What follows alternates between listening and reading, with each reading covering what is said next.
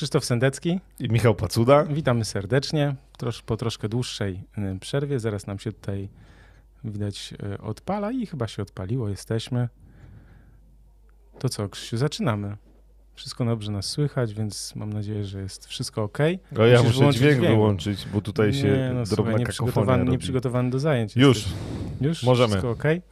No dobrze, no to co? To zaczynamy nasz kolejny, 49, a więc słuchaj, za dwa tygodnie będzie 50. Akurat na początek nowego Mm, sezonu. Wiesz, co mogłem, to załatwiłem. 49 odcinek e, podcastu ProBasket Live. Rozmawiamy o koszykówce, głównie o NBA. O czym dzisiaj? Dzisiaj. Dzisiaj o szczepieniach w NBA. No to jest temat, którego nie możemy ominąć. Nie da się ukryć, ponieważ za dużo zamieszania zrobiło dwóch jaśnie panów. Yy, pogadamy o Pelicans, o Warriors, może troszkę o Lakers, może o Phoenix też. Pau Gasol zakończył karierę, więc to jest też bardzo ważne wydarzenie.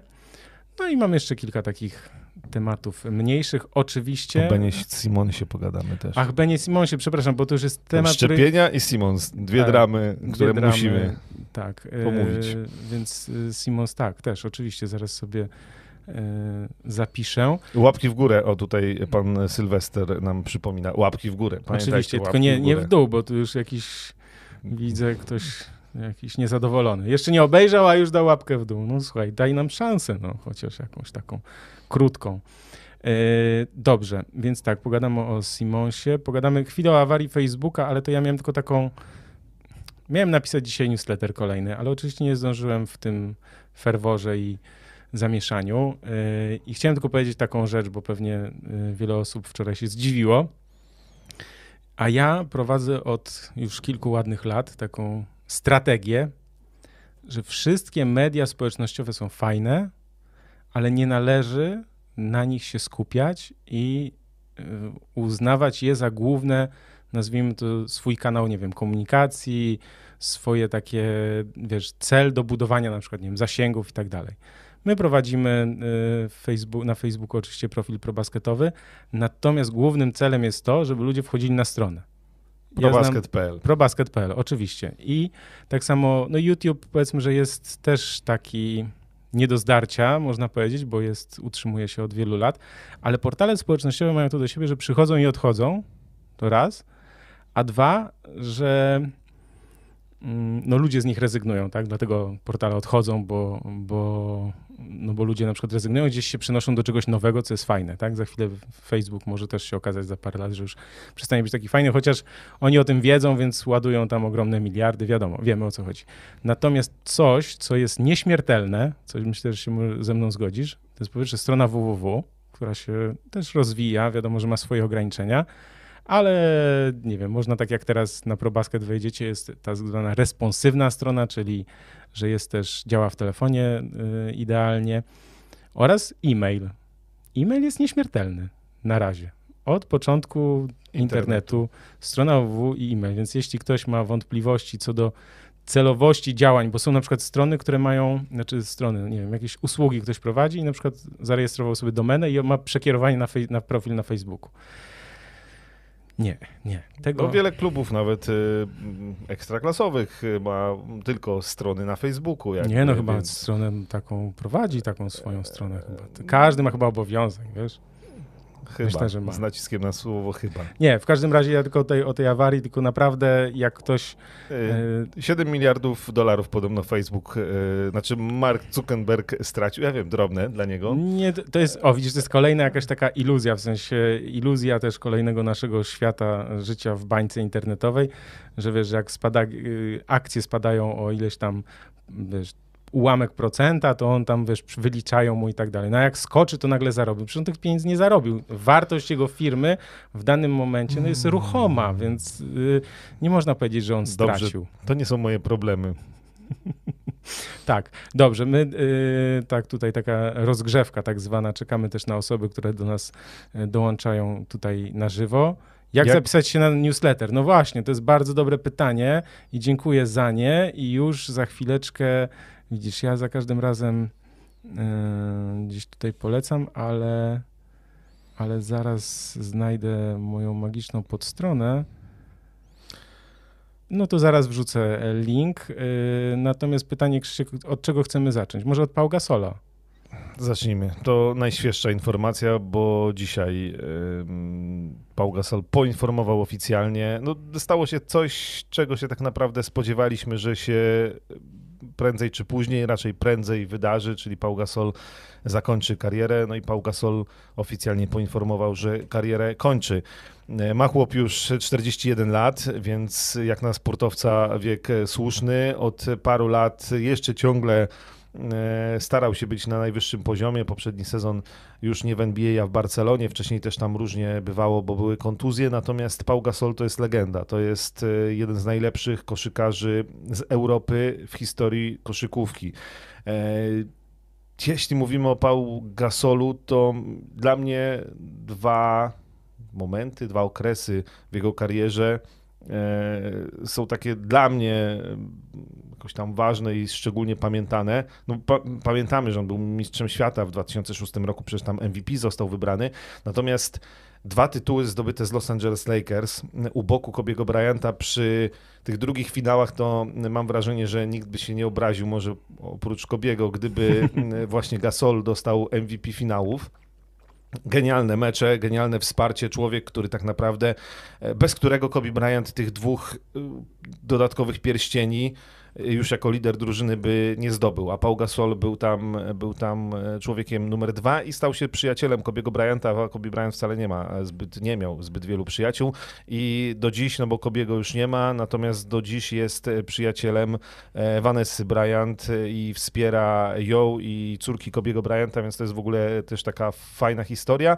Paul Gasol w ogóle mm, bardzo sympatyczny człowiek z tego E, przez te wszystkie lata kariery na, na tyle, na ile mogliśmy się o nim e, dowiedzieć, to, to naprawdę jest po prostu dobrym, fajnym człowiekiem.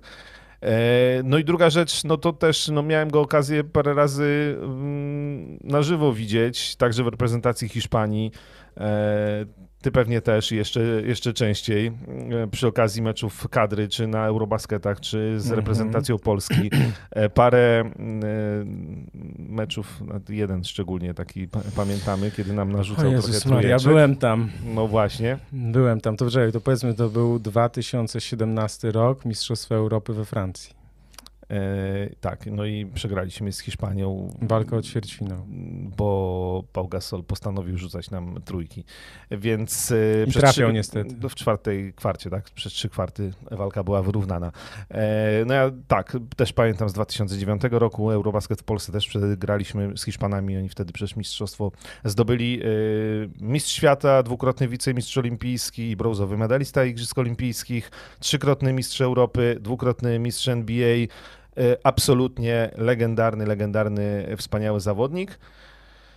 E, no ale cóż, no, czas jest nieubłagany. Mm, wiemy coś o tym. No wiemy coś o tym. Paul Gasol jest jeszcze rok starszy od nas e, i jeszcze ciągle, ciągle grał, więc teraz już... Za to ogromny szacunek też, tak. Że, że tak długo starał się i walczył, więc ja też go zapamiętam jako jednego no, z najlepszych koszykarzy tej tych ostatnich dwóch dekad tak naprawdę. Tak, no myślę, że w XXI wieku y, to wciąż taka trójka. Tony Parker, Paul Gasol i Dirk Nowicki, tych trzech Europejczyków. Ja wiem, Nikola Jokic, Luka Doncic, ale chłopaki, spokojnie, wygrajcie coś, bo ci goście wygrywali wielkie spokojnie. rzeczy. Spokojnie, niech oni zakończą karierę, wtedy będziemy podsumowywać. Tak, na razie y, rzeczywiście, y, jeśli, jeśli mówimy o najlepszych koszykarzach z Europy w XXI wieku, to Paul Gasol na pewno jest w tej pierwszej trójce i możemy tam się spierać, kto jest pierwszy, kto drugi, kto trzeci w tej francusko-niemiecko-hiszpańskiej rywalizacji, ale, ale Pau Gasol jest absolutnie gigantem. Ja bym go dał na pierwszym miejscu. Ja zawsze mam wiesz co, ten Dirk Nowicki z tym MVP i mistrzostwem jako lider drużyny, ale z drugiej strony no, Pau Gasol znowu w reprezentacji większe sukcesy niż e, Nowicki, ale też miał trochę lepszą reprezentację. E, dobrze, możemy dyskutować na ten temat, ale to, to tak zostawmy, że jeden, na pewno jeden z najlepszych europejskich koszykarzy e, w historii basketu. Tak jest. Jest pytanie, a czy, bo wracając do tego tematu, jak zacząłem o Facebooku, internetach i tak dalej, czy jest aplikacja ProBasket? Nie ma. I jest bardzo prosty powód, dla którego nie ma. Po pierwsze, zrobienie dobrej aplikacji kosztuje kupę kasy. Mnóstwo kosztuje też jej utrzymanie, połączenie, w sensie, bo no, musisz mieć człowieka, który na bieżąco tam naprawia błędy, poprawia, jakieś zmiany wprowadza i tak dalej. Po drugie, yy, nie da się tylu reklam zamieścić, co jest brutalną rzeczywistością. Yy, ja to mówię wprost. Nie da się tylu reklam zamieścić. Kolejna rzecz. Uciekają ci wtedy odbiorcy yy, z aplikacji, znaczy uciekają odbiorcy. Nazwijmy to, że musisz wtedy przedstawiać, nie wiem, sponsorom czy, czy partnerom, musisz przedstawiać wtedy dwie statystyki, stronę www i aplikację. I wtedy to musisz jakoś tam łączyć i tak dalej. A lepiej mieć jedną konkretną wielką liczbę, czyli tak jak mamy na ProBaskecie, 250 tysięcy unikalnych użytkowników miesięcznie, półtora miliona odsłon. To jest coś, co co myślę, że robi wrażenie na wielu osobach. Na mnie robi bardzo duże wrażenie, bo wiem, jak było jeszcze kilka lat temu.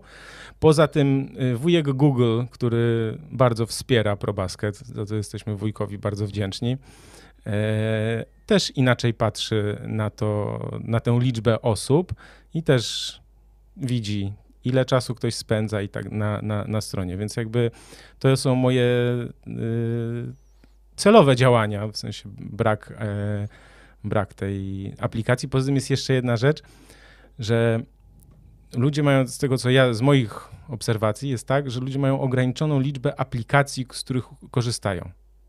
Mają w telefonie oczywiście bardzo dużo, natomiast tylko z kilku korzystają codziennie, a internet jednak przeglądają, wiesz, strony, tak? Aplikacje są rzeczą wyjątkową, naprawdę, żeby się wbić w te 5-10 aplikacji, które ktoś codziennie e, odpala, no to trzeba naprawdę mieć super zrobioną tę aplikację i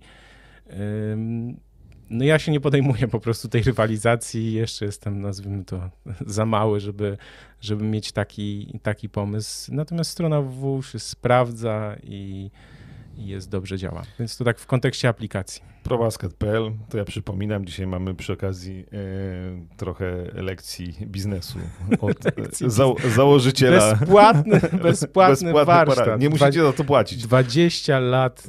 E, tak, ProBasket.pl. 20 lat, przypomnę, że w maju skończyliśmy 20 lat, więc Oczywiście, można się ze mną w jakichś tam kwestiach nie zgadzać, tylko pamiętajcie to zawsze... Czekaj, ty jest, ty, ty ProBasket.pl jest dłużej niż Facebook.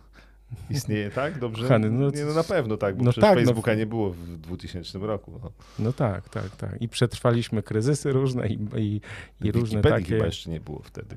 Kogo? Wikipedii. Wikipedii? No chyba możliwe, nie wiem. Ja pamiętam, że były takie portale, e, chyba, czekaj, nie tlen, tylko jakieś takie H, czekaj, coś takiego było. No. H, e, to jeszcze O2. Od, nie, jeszcze, co, jeszcze, coś, jeszcze coś innego. Dobra, no było. WP na pewno było z takich tych e, polskich. NBA, które wyglądało trochę inaczej.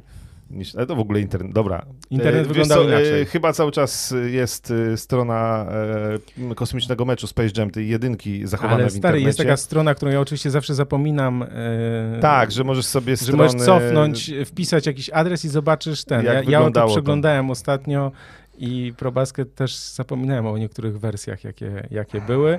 I to było dosyć zabawne. E, internet 20 lat temu wyglądał trochę inaczej niż dzisiaj. Tak, tak. delikatnie Zaczynaliśmy mówiąc. od y, 500 odsłon dziennie.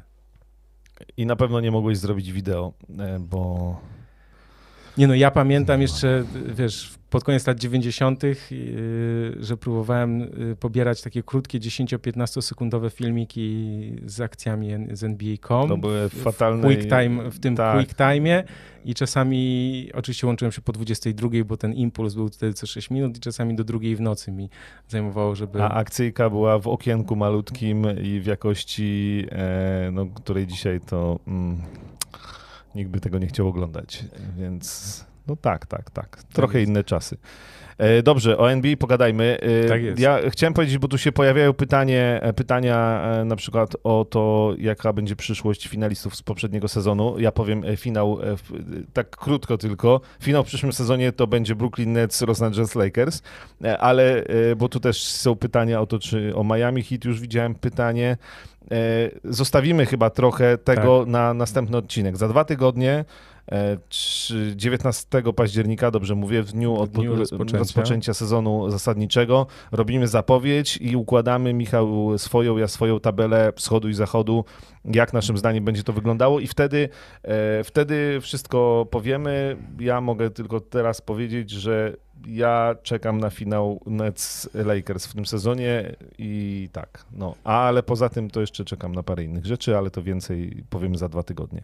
Tak, yy, będzie to, będzie, znaczy ustalimy sobie, no, ustalimy kolejność, musimy to przemyśleć. Yy, I wtedy będzie nas, mo można, można będzie nas rozliczać z tego potem. No.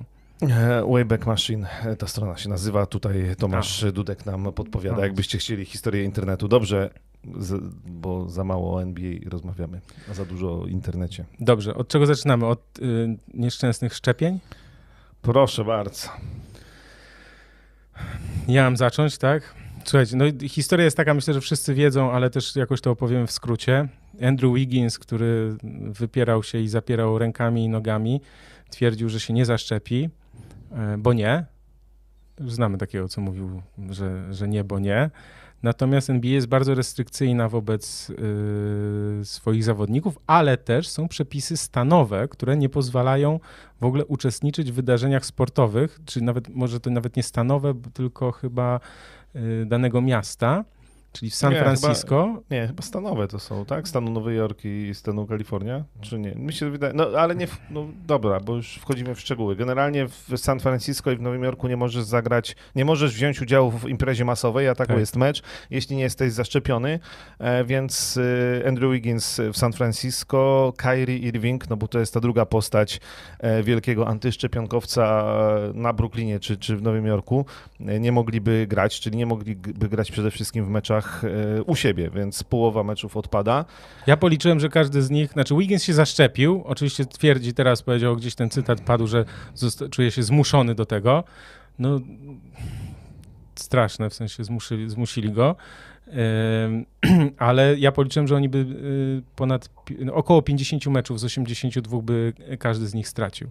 Więc to jest ponad połowa meczów sezonu zasadniczego, plus jeszcze potem playoffy. I ponad połowa pieniędzy, no bo za te mecze nie dostawaliby pieniędzy, więc y, to są ogromne pieniądze tak. E, z ich e, wielkich kontraktów, bo i Wiggins i... Ale jeszcze dodatkowo, co jest, że Wiggins i chyba Irving też nie mogą wejść nawet niezaszczepieni do obiektów treningowych. No Więc... na razie Kyrie Irving wciąż nie trenuje z drużyną. Ale w San Diego trenował, bo, bo teraz było zgrupowanie przed meczem z Lakers i tam mógł.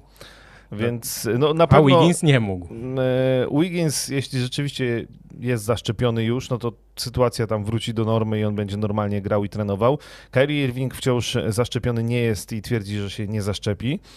E, I e, no, jeśli rzeczywiście zaczniemy sezon z Kairim niezaszczepionym, no to on będzie podlegał bardzo restrykcyjnym przepisom, właśnie dystans społeczny. Nie, Ale podróże też, bo tam podróże, jest też wątek podróży, tak. że nie może w jednym pomieszczeniu razem z zespołem. 65 stron ma e, tym razem książka na ten sezon o restrykcjach związanych z COVID-19 w NBA, więc jest tego sporo i bardzo to utrudnia no tak naprawdę istnieje w tej drużynie i mm, tego Kairiego Irvinga to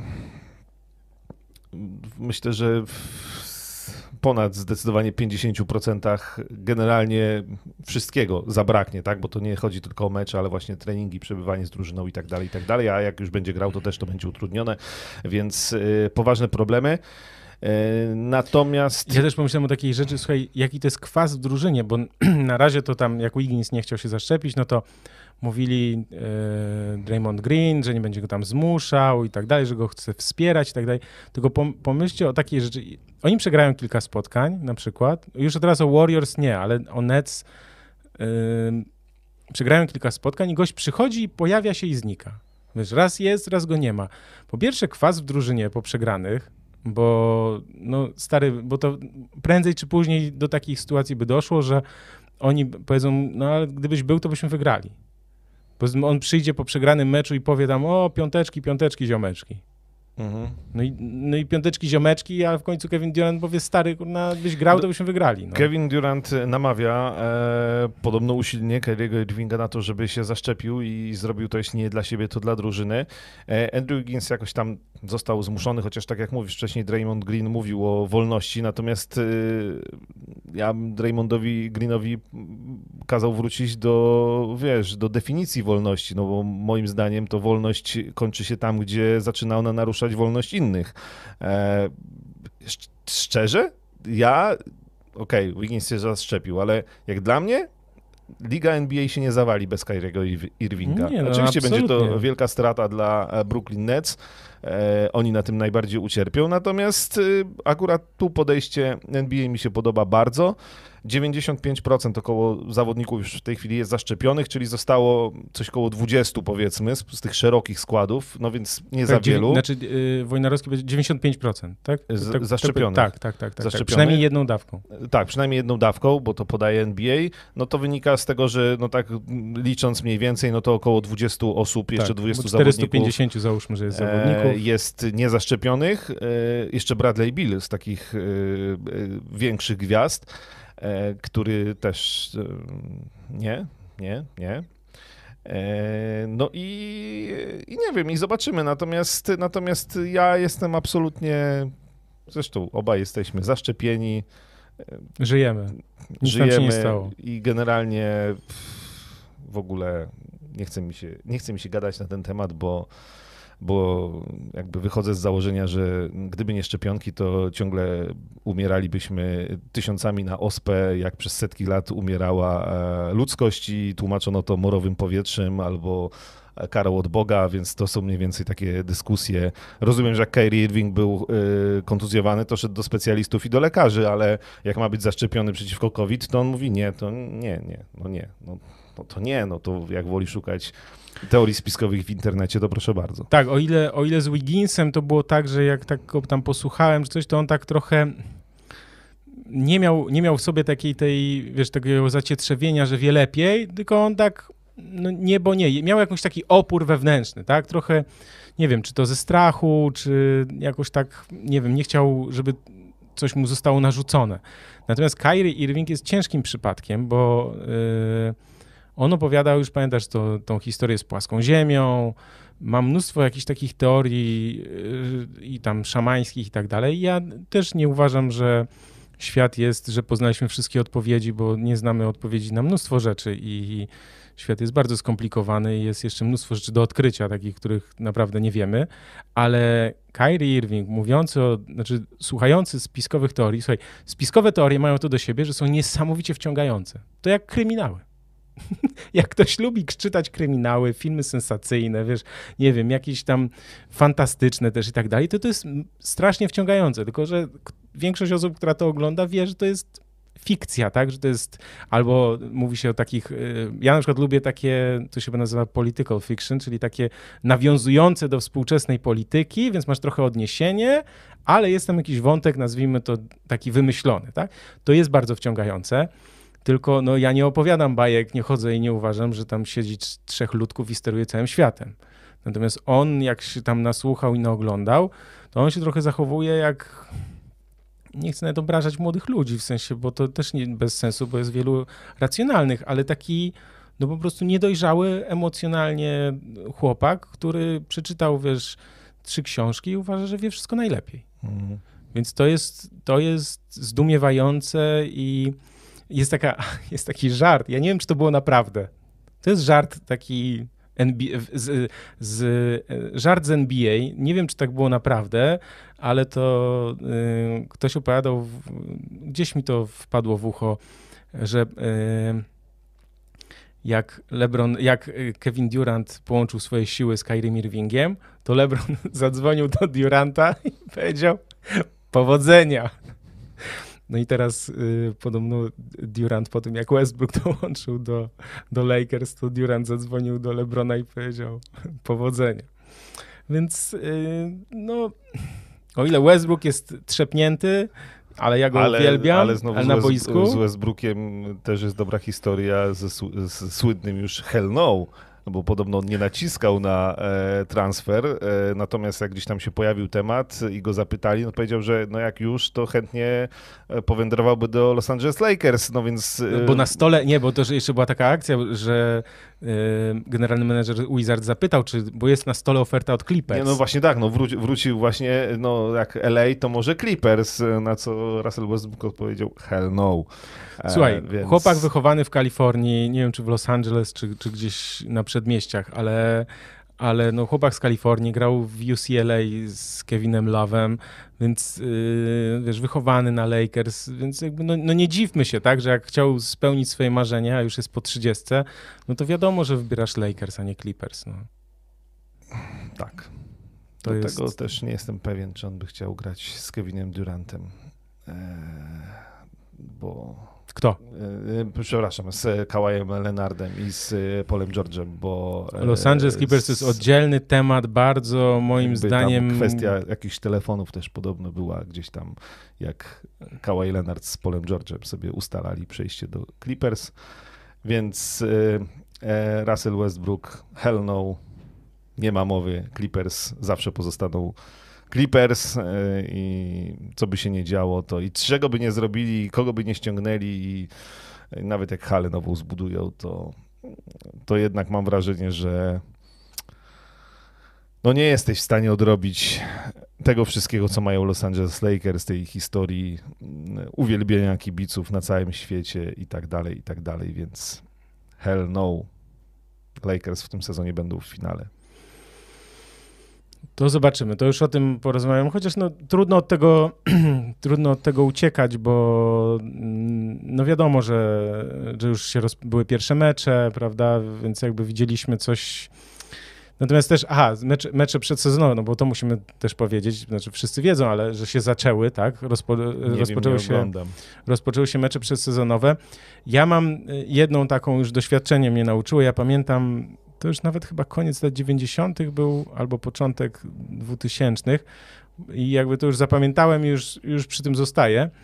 Pamiętam, że Milwaukee Bucks wygrali chyba 6 meczów, czy 7-1 przedsezonowych, a potem zaczęli 0-6, czy coś takiego, więc y, oczywiście to nie jest tak, że, że, że, z tego wyciągać należy tylko wnioski, ale jakby to, to, to mi utkwiło w pamięci.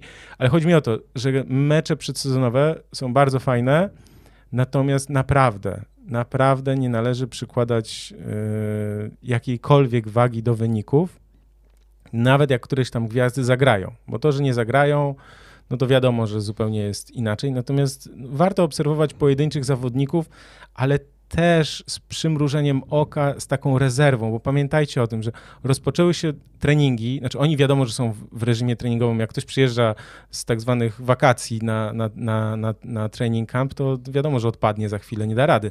Natomiast i tak, i tak, pierwsze mecze, pierwsze dni obozu przygotowawczych to jest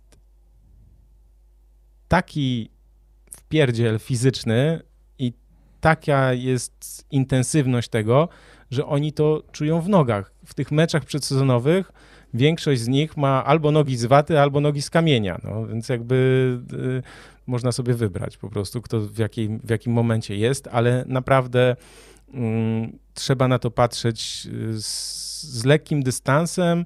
Oczywiście fajnie jest gdzieś tam zobaczyć y, niektórych, którzy być może w sezonie będą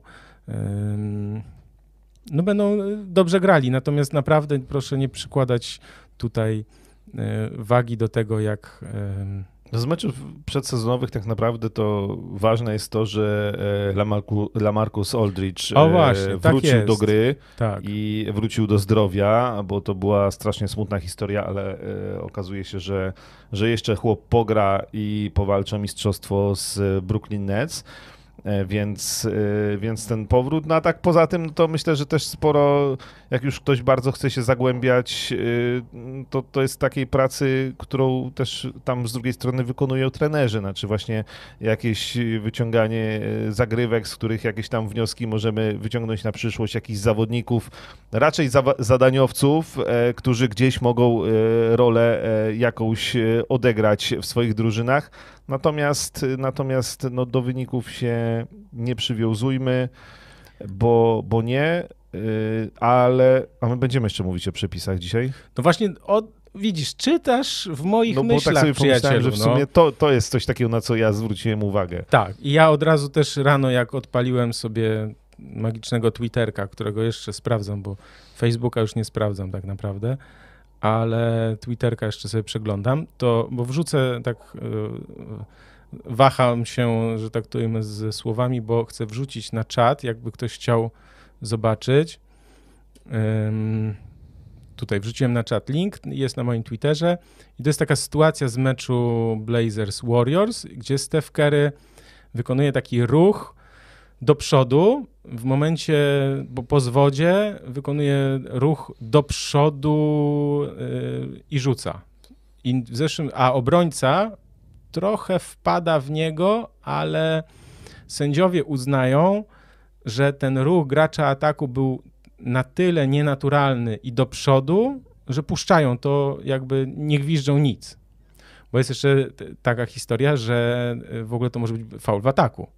Natomiast tutaj sędziowie po prostu puścili to bez gry. No też obrońca tam y, raczej nie, nie wyszedł tylko w górę, więc tak. e, No była- właśnie, więc to też taka była- dwuznaczna sytuacja. Znaczy, my się będziemy, będziemy się tego uczyć wspólnie, wszyscy, bo w teorii rozumiem, że jest tak, że chodzi o to, że po prostu, żeby nie było tych wymuszeń e, przez graczy ataku, czyli szczególnie Harden i nie wiem, Steph i też, no jest Trae też, Young. tak, jest paru specjalistów w tym. Mhm. I chodzi o to, że po prostu, okej, rozrobiłeś zwód, złapałeś gracza obrony, że on poszedł, w sensie zareagował na zwód. I teraz tak, jeśli on w ciebie wpadnie w momencie, kiedy ty rzucasz, wychodząc pionowo w górę, i on w ciebie wpadnie, no to jest faul. Natomiast chodzi o to, że gracz ataku, żeby nie wpadał w gracza obrony, który jest właśnie też w wyskoku. Więc myślę, że to jest. mm, To, tak. ja myślę, że to jest przede wszystkim bardzo dobra decyzja W dobrym kierunku w dobrym idziemy. kierunku, bo o co chodzi? Chodzi o to, żeby gra była jak najbardziej płynna, żeby była z tak zwanym duchem gry, tak? To jest, wiecie, jest dużo takich dyskusji, mieliśmy sporo też takich we wcześniejszych podcastach, takich mm, dyskusji czy takich wątków, tematów, że coś jest na przykład y, no, niezgodne z takimi, nie wiem, zasadami, kanonem jakimś takim, znaczy takimi też rzeczami, które są przyjęte odgórnie, znaczy tak przez wszystkich, ale na przykład części rzeczy nie ma w przepisach, tak? Czyli takie, że nie, niezgodne z duchem gry coś jest. Że jakieś zachowania są na przykład, czy tak się nie robi, nie wiem, nie podchodzi się pod gracza, który jest w wyskoku, tak? Pamiętam, ja do, do dziś pamiętam faul Paczuli na, na Lenardzie, który po prostu Paczulia podszedł pod gracza z nogą, pod gracza, który był w wyskoku, tak? Przez to Lenard skręcił kostkę i wypadł z rywalizacji. Moim zdaniem Spurs by wygrali tę serię, gdyby nie to. I, I to jest nienaturalny ruch, których nie wolno robić. To jest, albo nie wiem, jak gracz jest, gracz yy, skacze do zbiórki i ty podchodzisz pod niego, tak? Mhm. to, to jest tak zwane krzesełko, znaczy to jest kryminał. Za coś, to, to grozi kontuzją. To jest tak trochę jak, wiecie, wielu z was gra w kosza, na pewno, bardzo wielu, większość. I to jest trochę tak, jak się wpuści na boisko kogoś, kto nie umie grać kompletnie, kto nie czuje gry. I nie chodzi o to, że on chce nam zrobić specjalnie krzywdę, tylko to jest ktoś, kto nie ogarnia. Ja miałem czasem takie sytuacje gdzieś tam w życiu, że wiesz, że na takich gości trzeba po prostu uważać. On nie ma złych intencji, ale on nie wie, żeby teraz na przykład, jak ty jesteś w wyskoku, to żeby nie podchodzić. Mhm. Nie podchodzić pod ten, bo możesz spaść, nie wiem, kolano rozwalić, kostkę i tak dalej, tak? A to i, i, i tutaj chodzi też właśnie o, o taki no, szacunek też wzajemny, bo w koszykówce chodzi o to, żeby w ogóle w sporcie chodzi o to, żeby jednak wykorzystywać pewne oczywiście przewagi, natomiast no nie za wszelką cenę, jak sędzia nie widzi, to nie, nie dajemy komuś w łeb, tak? Więc jakby i, to, to, i też nie stwarzamy zagrożenia w sytuacjach, które są potencjalnie niebezpieczne. Po raz pierwszy tak naprawdę na, żywo jesteśmy w stanie e, widzieć e, te nowe przepisy w grze i gwizdki, więc będziemy się tego uczyć rzeczywiście. E, Tutaj jest trochę pytań o te mecze przedsezonowe. Nie no, warto oglądać mecze przedsezonowe, proszę bardzo, Tak, tylko tak. nie wyciągajcie wniosków z wyników. Pewnie właśnie sporo rezerwowych, pierwszoroczniaków, którzy gdzieś tam jakąś rolę będą odgrywali, zależy o jakiej drużynie mówimy. Natomiast, natomiast to, że na przykład Brooklyn Nets wysoko wygrali z Los Angeles Lakers, to niczego nie oznacza e, w perspektywie sezonu. E, szczególnie, że tych najważniejszych gwiazd e, nie było. I tak, też... bo obecność jednego zawodnika, czy jego nieobecność ogromnie wpływa na cały tak, przebieg ci, gry, ci, cały przebieg ci spotkania. Ci rezerwowi y, nie będą też odgrywali takiej roli jak w meczach przedsezonowych, więc y, spokojnie. Mecze przedsezonowe są potrzebne, ale głównie e, trenerom, a, a tak jak wspominaliśmy, tam wnioski to takie jednak mimo wszystko mocno ograniczone.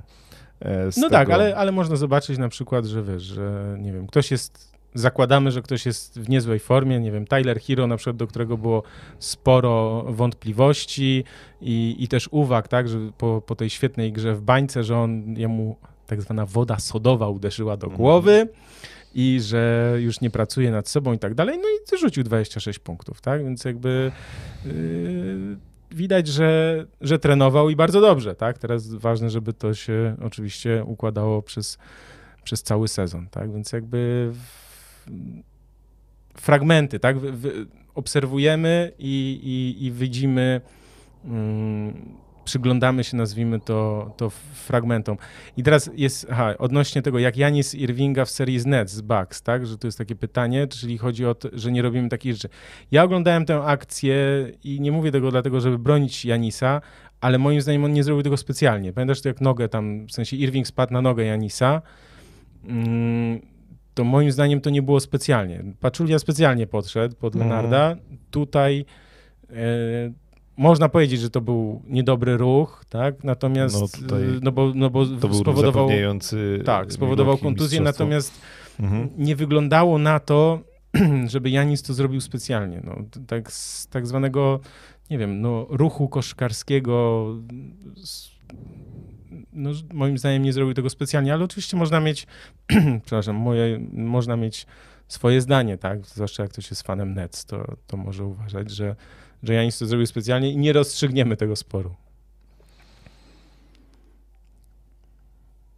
Przeglądasz jeszcze mhm. czat, a ja powiem y, troszkę odnośnie tego, co mówiliśmy dwa tygodnie, trzy tygodnie temu, bo słuchajcie, opowiadaliśmy o tym, że w koszykówce może by zostanie jakiś rozegrany mecz na zewnątrz, tak? W sensie nie w hali. A I to też... Przechodzimy do działu pytania od yy... Pytania, a słuchaj, to nie, to nie jest pytanie od widzów, to jest, słuchaj... Yy, lekcja historii Lekcja historii, lekcja historii baseballa. Ja to skrócę oczywiście, ale bardzo dziękuję Tomkowi, który nam wyjaśnił, bo my opowiadaliśmy gdzieś tam szybko, że baseball zagrał w polu kukurydzy, y, gdzieś tam na zewnątrz i w hokeju też jest taka tradycja, że też się gra na tam po prostu... I o ile tą tradycję hokejową y, no ja przynajmniej kojarzę, bo tam to wynika z historii, nie w hali, tylko na otwartym lodowisku, w strojach wersji Classic, więc tak jak kiedyś się grało, oczywiście no z kaskami, bo kiedyś jeszcze grało się w hokeja bez kasków e, i, i, i pod gołym niebem, Natomiast NHL, no to mówiliśmy o tym. Natomiast fakt, że tutaj, y, jeśli chodzi o pole kukurydzy w baseballu, trochę nie, nie, wiedzieliśmy. nie wiedzieliśmy. Mimo, że ja y, kiedyś oglądałem trochę meczów baseballa, ale to było y, jakieś 20 lat temu. Więc w każdym razie, Tomek, bardzo dziękuję Ci za maila.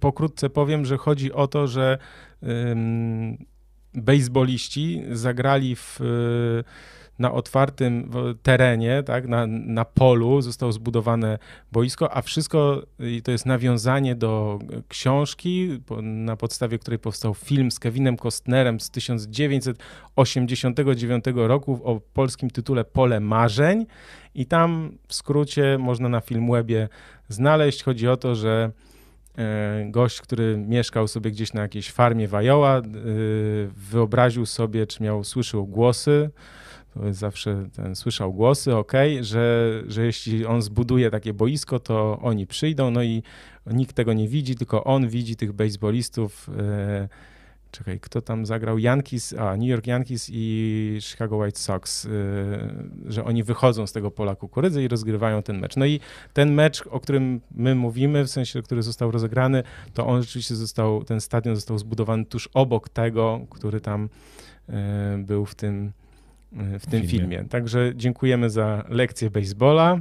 Teraz zastanawiamy się, do czego NBA mógłby tu sobie nawiązać e, ze swojej historii, bo chyba mecze w NBA od samego początku były w halach zamkniętych. No tak, no w Portoryko się gra na zewnątrz. No wiesz, w, przed wojną, drugą wojną światową też się grało na zewnątrz, ale wtedy NBA jeszcze nie było. No tak, E, jest tak zwany Rooker Park, jest też. No też więc- można gdzieś do tej ulicznej koszykówki, o czym też wspominaliśmy, nawiązać e, i, i spróbować gdzieś to zrobić w, po prostu Park. w Nowym Jorku. Tak, tylko pytanie, czy zbudujesz tam trybuny, czy jest miejsce, żeby na przykład dostawić trybuny, wiesz, No. bo, bo mecz bez trybun też nie ma sensu.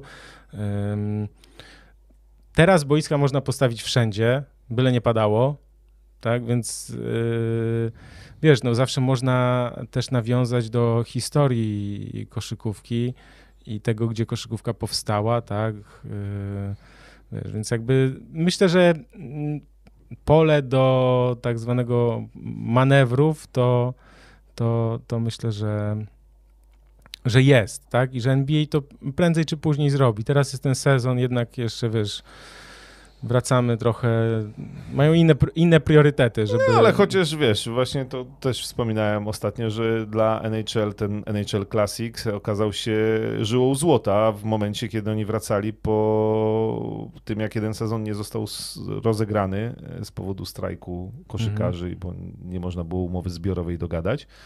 E, Więc, y, więc to się okazał wielki sukces. Więc może to też jest sposób na to, żeby zarobić trochę pieniążków przy okazji. Wiesz, a nie ma. A słuchaj, widzisz, pamiętasz, yy, chyba Przemek Karnowski nawet grał na tym, na statku yy, w tej. Yy, w koledżu. Teraz mi tak. On grał w Gonzadze i grali, nie grali na statku takim. Że na a- jakimś lotniskowcu? lotniskowcu takim właśnie wiem, marynarki wojennej? Nie? Nie było Ja tak? nie pamiętam, ale może. Coś takiego było. Teraz tak, no, tak szybko z głowy. Ostatnio więc- ze statków to tylko kojarzę, że Michael Jordan gdzieś tam do Chorwacji się wybrał, e, ładny jacht wynajął. Wiesz, że, wiesz, że wynajęcie takiego jachtu to Nie, tam wiem, jest. wiem, wiem, wiem, wiem. Tak, Magic jo- nie, to Magic Johnson chyba wynajmuje taki, to jest chyba bańka, bańka za dzień, coś takiego. Roman Abramowicz swoim pływa i A. ten duży luz. Natomiast Janis Antetokounmpo, y, zadowolony człowiek w maseczce, maseczce, wracając tu do tematu COVID, który chyba stał się na naszym czacie dosyć popularny, w kapturze, bluza z kapturem, maseczka, poszedł na zakupy i zadowolony, że nikt go nie poznaje. Ha, ha, hi. Są też plusy. No, widzisz, no Michael Jordan nie miał tego szczęścia, bo ktoś go tam wyhaczył w tej... Da, zdjęcia były tej z Chorwa- Chorwacji. W tej Chorwacji i tam E, więc e, tak. była też informacja o tym, ile tam jest, e, e, jaka tam jest liczba butelek, e, jakich napojów wyskokowych. Słuchaj, szczęśliwy emeryt. Szczęśliwy emeryt, którego ostatnio zdjęcie było, że o siódmej rano pije kawę i pali cygaro. O siódmej rano, stary. To Ale był rzecz, też ostatnio po na prostu- treningu e, Charlotte Hornets. Pojawił się. Mm, Doglądać osobiście, jak tam Jak tam idzie młodzież, ogólnie. ale już, już nie ma pomysłów, żeby brać piłkę i grać z kimś jeden na jeden, więc na spokojnie. Szkoda kolan. Troszeczkę, tak, troszeczkę już zdziadział nam Szkoda MJ. kolan i Achillesów, bo to wiesz, kolejny jakiś tam mój znajomy dalszy zerwał Achillesa, także widzisz, trzeba tu y, uważać. Dobrze, słuchaj, więc, y, więc Warriors mają troszkę, nazwijmy to, problem z głowy z Wigginsem. z Wigginsem. Nets mają problem z Irvingiem o tyle, że mm, właściciel Brooklyn Nets jest, y, nie chcę powiedzieć, że fanem, ale zwolennikiem tak, y, szczepień i y, trzeba pamiętać, że wszystko poniżej mistrzostwa Nets będzie porażką. Tak, to już jest ten sezon, w którym oni muszą zdobyć mistrzostwo tak naprawdę. To jest po to ta drużyna jest zbudowana. E, I tak mówiliśmy, że w poprzednim sezonie, jeśli to się jeszcze nie wydarzy, to okej, to trochę będzie jak ten pierwszy sezon Miami Heat z LeBronem, Dwaynem Wade'em i Chrisem Boszem, że, że jeszcze tragedii nie będzie. No okej, zabrakło tak naprawdę centymetrów, żeby wyeliminować Milwaukee Bucks mimo kontuzji i Jamesa Hardena i Kyriego Irvinga. E, natomiast w tym sezonie to jest jedyny cel, tak? Mistrzostwo, mistrzostwo NBA dla Brooklyn Nets, więc, więc to, to tak, to pod tym względem to też sprawia problemy. Tak, no i trzeba też podkreślić, że właściciel Nets był wyrozumiały wobec Kyriego Irvinga, bo przypomnijmy, że on w, w zeszłym sezonie też e, parę razy, nazwijmy to, nawalił, gdzieś znikał. E, nie mówił gdzie. Nie mówił gdzie. Okazywało się, że jego I... siostra przypadkiem wtedy miała urodziny. Zupełnie przypadkiem. Czy Kyrie Irving jest człowiekiem, który mam wrażenie e, ma sporo innych aktywności w życiu, które często są ważniejsze od koszykówki. Więc. więc I to mnie, ale wiesz, co mnie zastanawia? Zastanawia mnie, co myśli Kevin Durant w takiej sytuacji. Bo Kevin Durant jest, jak to się ładnie mówi po polsku, sfokusowany. Nie, na... Może myśli sobie, a dobra, wygram to mistrzostwo z Hardenem. No może tak, tylko znaczy, wiesz, tylko niepotrzebnie się, że... blokować miejsce nie, no, i, tak, i oczywiście. po co, bo, znaczy... bo jest jeszcze jedna kwestia. Sam Kyrie, to już jest, to już jest w ogóle, to już jest, to już jest patologia, to co powiem sam Kyrie Irving w takim wywiadzie przez internet, tam, bo mhm. nie był na konferencji, ale gdzieś tam mówił, że najważniejsze, żeby nic nas w tym sezonie nie rozpraszało. No Hello! Teraz, tak, no ale widocznie to jest jeszcze, wiesz, dla niego ważniejsza sprawa. E, natomiast... Y... Ja, a ile może stracić? Y, za każdy mecz opuszczony 1% pensji, czyli około 380 tysięcy dolarów. Za każdy mecz. Y, natomiast jeszcze jedno a propos Kairiego Irvinga. Mhm. Nawet bez niego Brooklyn Nets wciąż są faworytem do mistrzostwa. I ja chciałem zwrócić uwagę e, na no, to. Tutaj kolego nie, musisz uważać. Słuchaj, e, to, a na pewno do wygrania wschodu, bo ja przypominam, że tam ciągle bez Kairiego Irvinga masz Jamesa Hardena, masz Kevina Duranta. E, wraca, nie, wraca nie. Aldridge, został Blake Griffin. Jest Paul Millsap, doszedł I Patty dosyć Mills. Patty Mills i Paul Millsap. I to są naprawdę dobre e, transfery, więc e, ja naprawdę, ja, ja tam nie mam problemu, jak Kyrie Irving się nie zaszczepi. Nie Ale też jest grał. ciekawe, zobacz, że e, jego wartość, nazwijmy to transferowa, tak, to, to też ładnie ostatnio pisaliśmy na ProBaskecie, że wartość transferowa jest zerowa. Bo kto chce gościa, który po pierwsze jest niezaszczepiony, po drugie nie wiadomo, co siedzi w jego głowie. I teraz kolejne pytanie jest takie, czy podpisywać z nim przedłużenie umowy? Mhm. Wiesz, bo Harden, Harden y, podpisze najprawdopodobniej dopiero latem, a nie teraz, żeby po prostu zebrać większą kasę. Natomiast kolega Irving no nie wiem, no słuchaj, czy właściciel... Tak, Sylwester Kurcoń zadaje pytanie, które nie jest jakoś bardzo odkrywcze, ale ciągle ciekawe. Kairiza Simonsa. I tak sobie możemy ładnie do drugiej dramy ostatnich dni przejść, mhm. jeszcze, jeszcze dłuższej, bo e, Simons to też jest zawodnik, który no jaką on ma wartość transferową w tej chwili? Filadelfia wciąż twierdzi, że bardzo wysoką, natomiast e, wymienić go będzie bardzo trudno, a on w Filadelfii grać nie chce. E, I e, no to jest też ta rzecz, o której już wspominaliśmy, bo ona trwa od playoffów poprzedniego sezonu, tak, od porażki Filadelfii, odpadnięcia i fatalnych meczów Bena Simonsa, szczególnie w końcówkach spotkań. Natomiast to, co teraz wyczynia Ben Simmons. E... Musisz troszkę streścić, że, bo może ktoś nie wie, wiesz? W sensie. To właśnie dobrze, to szukam słowa. No to jest y, a y, trochę nie fair, trochę nieeleganckie i trochę głupie. Natomiast Ben Simmons zapowiedział, że on nie chce grać w Filadelfii, że on nie przyjedzie na obóz przygotowawczy, że on nie wyjdzie na parkiet y, jakby w barwach tej drużyny, że on chce być wymieniony. Mhm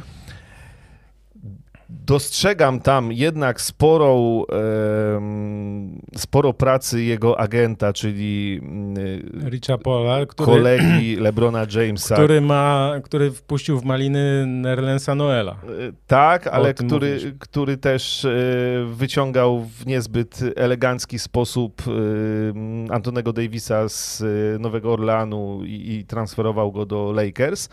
Natomiast teraz y, no, poszedł na wojnę i odpalił opcję atomową i, y, i po prostu szantażuje Filadelfię, że Ben Simmons ma odejść z Filadelfii, ma zostać wymieniony, Mhm. bo on tam grał nie będzie.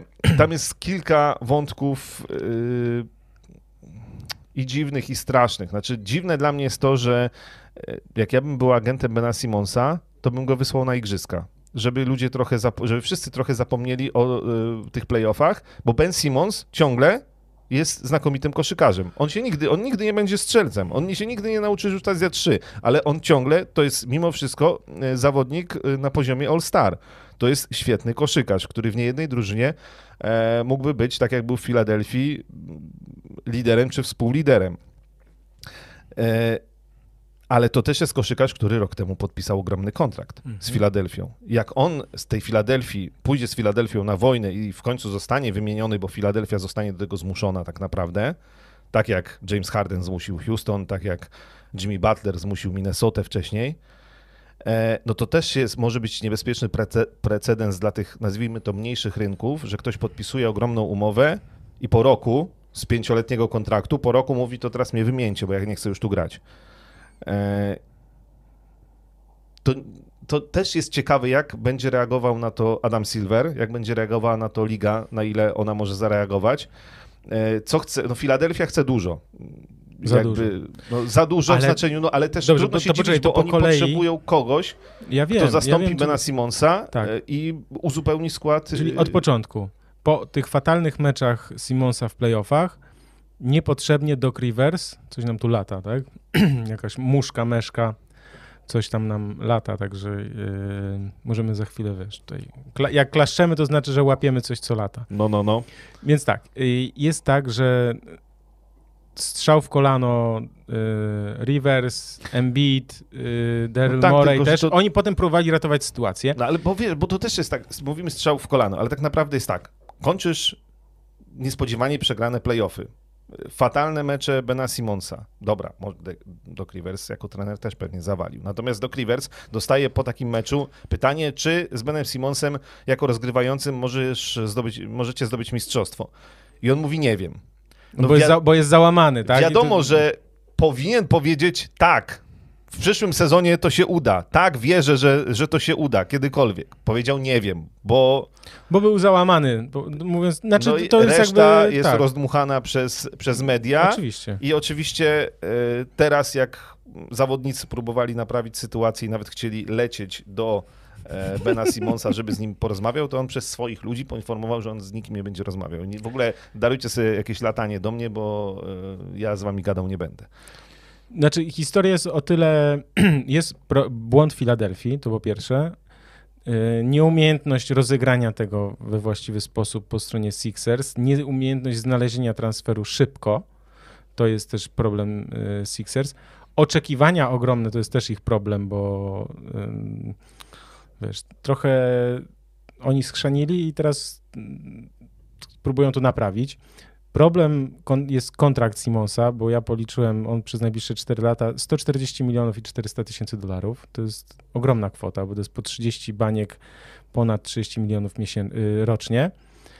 I problem z transferem też, żeby, żeby była jasność, tak? Nie ma za bardzo klubów, które go chcą w tej chwili. Dlaczego? Ponieważ wszyscy rozpoczęli sezony przygotowawcze i każdy ma bilans 0-0. Każdy jest zadowolony ze składu, każdy przychodzi na trening, mówi w tym roku walczymy, mamy taki i taki skład, jest dobrze. Wszyscy to mówią. Nawet Houston Rockets to mówią, bo mają młodych, bo będą inwestować, zobaczymy jak się będą rozwijać i tak dalej. Nikt na początku sezonu nie podejmuje tak pochopnych decyzji o jakimś transferze, w sensie o tak, o tak dużym transferze, Mhm. tak? O to mi chodzi. Więc to jest też kolejny problem Filadelfii. Jeszcze jeden problem jest taki, że nie ma za bardzo kogo, czy na kogo, tak? Bo tam się też cyferki muszą zgadzać, tak? W, w perspektywie. Mówi się o, mówiło się o Portland, co jest... y, No ale tak, y, Portland Ale Lillarda też, tak. nie odda, natomiast CJ McCollum jest znowu, no, To słaby, no, no. no to tak, to się nie kalkuluje Bo set, już to mówiliśmy, Seth Curry i CJ McCollum nie, to no byłby nie. jeden z, ze słabszych obwodów. Natomiast więc... ja powiem ci szczerze, że z tego wszystkiego to mi najbardziej y, pasuje wymiana e, tak, żeby, no bo wiadomo, że można na przykład za Johna Walla e, e, wymieniać i liczyć na to w Filadelfii, że John Wall jeszcze trochę zagra jak John Wall sprzed tam trzech To lat. byłoby duże ryzyko, ale John Ale Wall chyba też- kończy mu się kontrakt.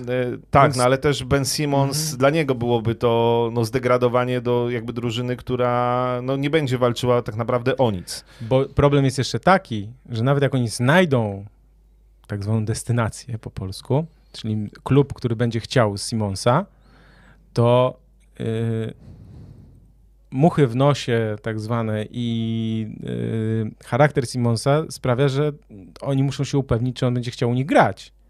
Bo jak on mówi, że on chce do Los Angeles, no stary, ale jak? Za kogo? Twój przyjaciel LeBron James nie poświęci Russella Westbrooka czy Antonego Davisa, żeby, żeby ściągnąć. Jakby ja napisałem taki artykuł, to było chyba w, yy, no, w sobotę chyba nawet mi się udało popełnić, więc podrzucam wam też na, yy, za chwilkę na, na czat, bo są kluby, które mogą, ym, mogą chcieć Simonsa, tylko że yy, to są kluby, które nie wiadomo, czy Simons będzie chciał w nich grać, tak? Ale mówimy tutaj o przede wszystkim Indianie Pacers. To jest nadal możliwy scenariusz i najbardziej jakiś tam logiczny dla obu stron, że obok Domantasa Sabonisa trener Rick Carlisle przyszedł, yy, powrócił do, do Pacers, że tam mógłby się odbudować, tam mógłby grać teoretycznie, no a w drugą stronę mógłby na przykład powędrować Malcolm Brogdon, tak? I tam jeszcze oczywiście jakiś ten pakiet trzeba złożyć, ale że Filadelfia z Brogdonem, który jest bardzo dobrym rozgrywającym, bardzo inteligentnym zawodnikiem, który zdobywa ważne punkty też, tak? Bo to jest ta różnica między nim a Simonsem jest taka, że jak trzeba rzucać, to Brogdonowi rę, rączka nie, nie, za, nie zadrży i on ma chyba 90% z wolnych, więc jakby Mhm. y, wiesz, to jest jakby ogromna różnica i rzeczywiście Malcolm Brogdon mógłby być jakimś tak, no, mógł być wzmocnieniem dla, dla Filadelfii, tak? Wiesz, no, no, no są też kluby takie, mówi się, że ale ja nie wiem, Minnesota, San Antonio. Podobno, było, podobno była taka opcja, że Greg Popowicz brał pod uwagę, ale się rozmyślił. E, wiesz co, e, te, dobra, ja mam dwie opcje, które wydają mi się sensowne. To jedna to jest właśnie z Brogdonem i Indianą. To gdzieś tam jest taka, że mogą obie strony, znaczy wszystkie strony być tym zainteresowane, i Ben Simmons, i Philadelphia, Indiana. E, I nikt nie musi być na tym stratny. Natomiast drugie, wracając tutaj do pytania, e, ta wymiana za Kyriego Irvinga bo Ben Simmons e, w, na Brooklynie nie musiałby rzucać, a to jest, pamiętajmy ciągle, mój najlepszy, on wiem, drugie miejsce zajął w tamtym sezonie w głosowaniu na najlepszego obrońcę, ale e, moim zdaniem na, najlepszy obrońca w lidze, który ci może e, wybronić każdego z pozycji od 1 do 5. E, I, I ciągle to powtarzamy, to jednak jest unikatowy zawodnik, gdzieś tam Tak, łączący tak, tak, tak, cechy rozgrywającego i silnego skrzydłowego. No bez rzutu, bo bez rzutu, ale na Brooklynie jest trochę ludzi odrzucania. E, No i Kyrie Irving, oczywiście ryzykowny e, ruch, natomiast być może... e, Możesz go pogonić. Z, z, wiesz, to też ciągle jest znakomity koszykarz. I współpracę z Joelem Embidem wyobrażam sobie, e, że ona może zadziałać. Natomiast oczywiście z Kyrie Irvingiem w pakiecie bierzesz wszystko to, co jest y, też w jego głowie i wokół Kyriego Irvinga i wszystko to, co jest poza parkietem, więc to jest o tyle ryzykowne. Natomiast y, ponieważ sytuacja jest trudna, Sytuacja jest dynamiczna, formuła jest elastyczna, potraktujmy to jak wyzwanie. ciekaw jestem, co się stanie, jak jednak sezon się zacznie i czy naprawdę Ben Simmons... y, Bo, bo y, żeby była jasność, jemu tam y, te pieniążki y, lecą, w sensie Tak. takim, że on za chwilę, jak przyjdzie pierwszy czek, to on nie dostanie nic, tak? on tam Więc chyba jakby ma Jakiś ta... dwu, tych w czterech Transzach? bo- transzach, bo tam no, normalnie co dwa tygodnie, y, że tak powiem, zwykli śmiertelni, zwykli koszykarze NBA dostają pieniądze. Natomiast gwiazdy mają czasami tak, że nawet i za jednym zamachem wypłacaną całą pensję. E, natomiast Ben Simmons ma chyba w czterech transzach po 25% i pierwszą już dostał za ten sezon. A, E, Więc, y, więc zobaczymy, co dalej. No, znaczy, też patrząc historycznie, no nie wiem, na Jamesa Hardena z ostatniego sezonu, no on zaczął sezon w Houston, ale było wiadomo, że to się... No tak, to, doprowadził się do tak, poziomu tak, Bambaryła tak, i, tak, i to, tak, co było głupotą, W bo końcu- potem go końcu to kosztowało zdrowie w, w playoffach, więc... Więc jestem ciekaw, czy co się stanie, jak się sezon zacznie i czy on rzeczywiście powie, że ja nie gram. Tak zwany odeślę się do klubu Kokosa. No tak, no, wie- wiesz co, no, no, to jest jego problem. To jest jego problem, bo tak jak powiedziałeś z tym, że on powinien grać w kadrze Australii, tak, y, na igrzyskach, żeby zatrzeć to złe wrażenie. Tylko wiesz, jaki jest problem? On się bał, że nie da rady, że nie udźwignie. No to też jest oczywiście kwestia... Mówiliśmy to już kilka razy, wielokrotnie, i ja powtórzę to po raz setny. Do psychologa. Dwa razy w tygodniu po półtorej godziny.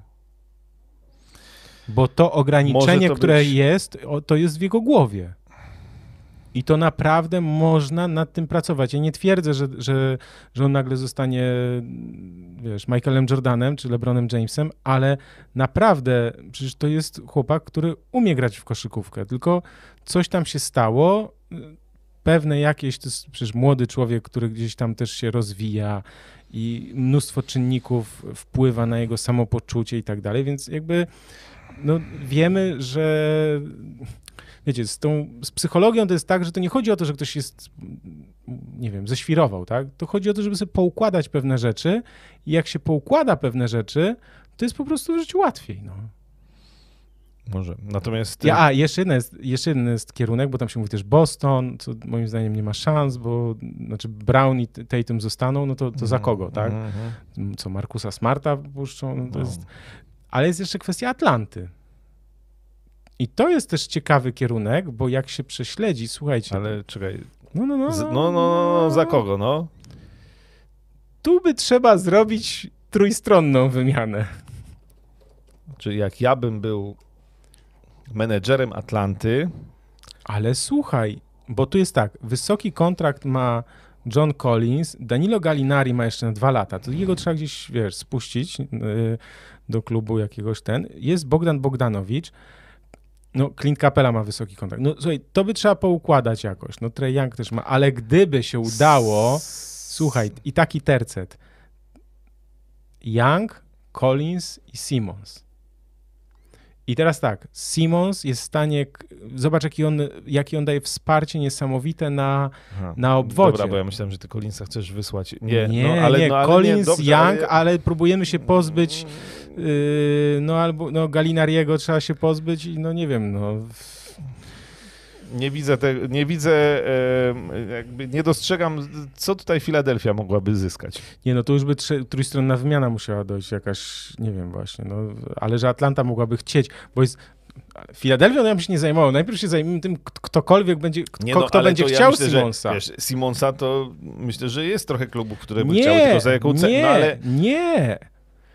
Mówię ci, że nie, znaczy, że nie ma tylu chętnych, bo tak, po pierwsze, bo, bo widzisz, bo NBA jest o tyle inna od lig, nazwijmy to europejskich, że nie wszyscy grają o najwyższe cele. Znaczy wszyscy tak mówią, ale nie, nie, tak, nie, tak, nie tak jest, w sensie wszyscy grają o najwyższe cele, ale nie w tym roku.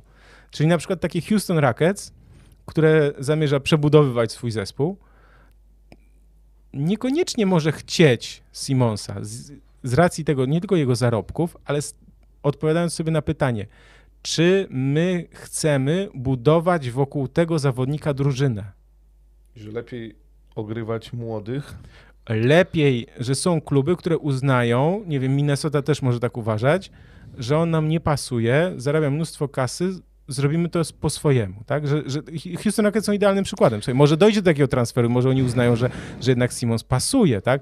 Ale że nie wiem, no Cleveland Cavaliers na przykład, że mogą, że mogą woleć o, ogrywać tych, których mają, czekać jeszcze na kolejne drafty i w ten sposób, ten, wiesz, bo musisz Dobra, zapłacić gościowi dobrze, ogromne pieniądze i on Simons- ci nie daje żadnej gwarancji. Myślę, że Simons też nie będzie chciał e, grać w Houston Oczywiście, Rockets, że e, tak. czy Cleveland, no, więc no, e, z czołówki drużyn myślę, że parę by się znalazło. Y, tylko moim zdaniem cena za niego jest na razie największym problemem. W znaczeniu, że Filadelfia potrzebuje Ale kogoś, kto od razu o tym, w że się muszą zgadzać też No ja- cyferki w oczywiście, jedną że i w tak. drugą stronę, nie? Natomiast Filadelfia też na pewno potrzebuje.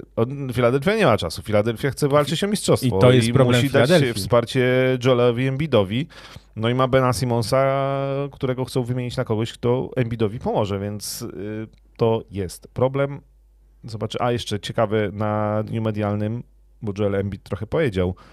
y, Między innymi Mm, mm, mm. znaczy niby wszyscy chcą naprawiać, y, naprawiać sytuację, natomiast y, no powiedział, że jego zdaniem oddanie e, Jimmy'ego Butlera było błędem, i, a wydarzyło się to dlatego, że była drużyna budowana pod Bena Simonsa, który chciał mieć po prostu piłkę częściej w rękach, a Jimmy Butler mu w tym przeszkadzał. I, y, i to był błąd zdaniem Embida, że Butler odszedł i to był błąd spowodowany tym, że to nie wokół niego, tylko wokół Bena Simonsa. To już, wiesz co, to już moim zdaniem to jest taka już przepychanka słowna między dwoma panami, w sensie, bo Simons podobno powiedział, że on po prostu nie chce grać z Embidem. Więc Embiid mu odpowiedział tymi, tymi, tymi z liścia, to ja tobie lewy podbródkowy. No wiesz, no nie wiem, no...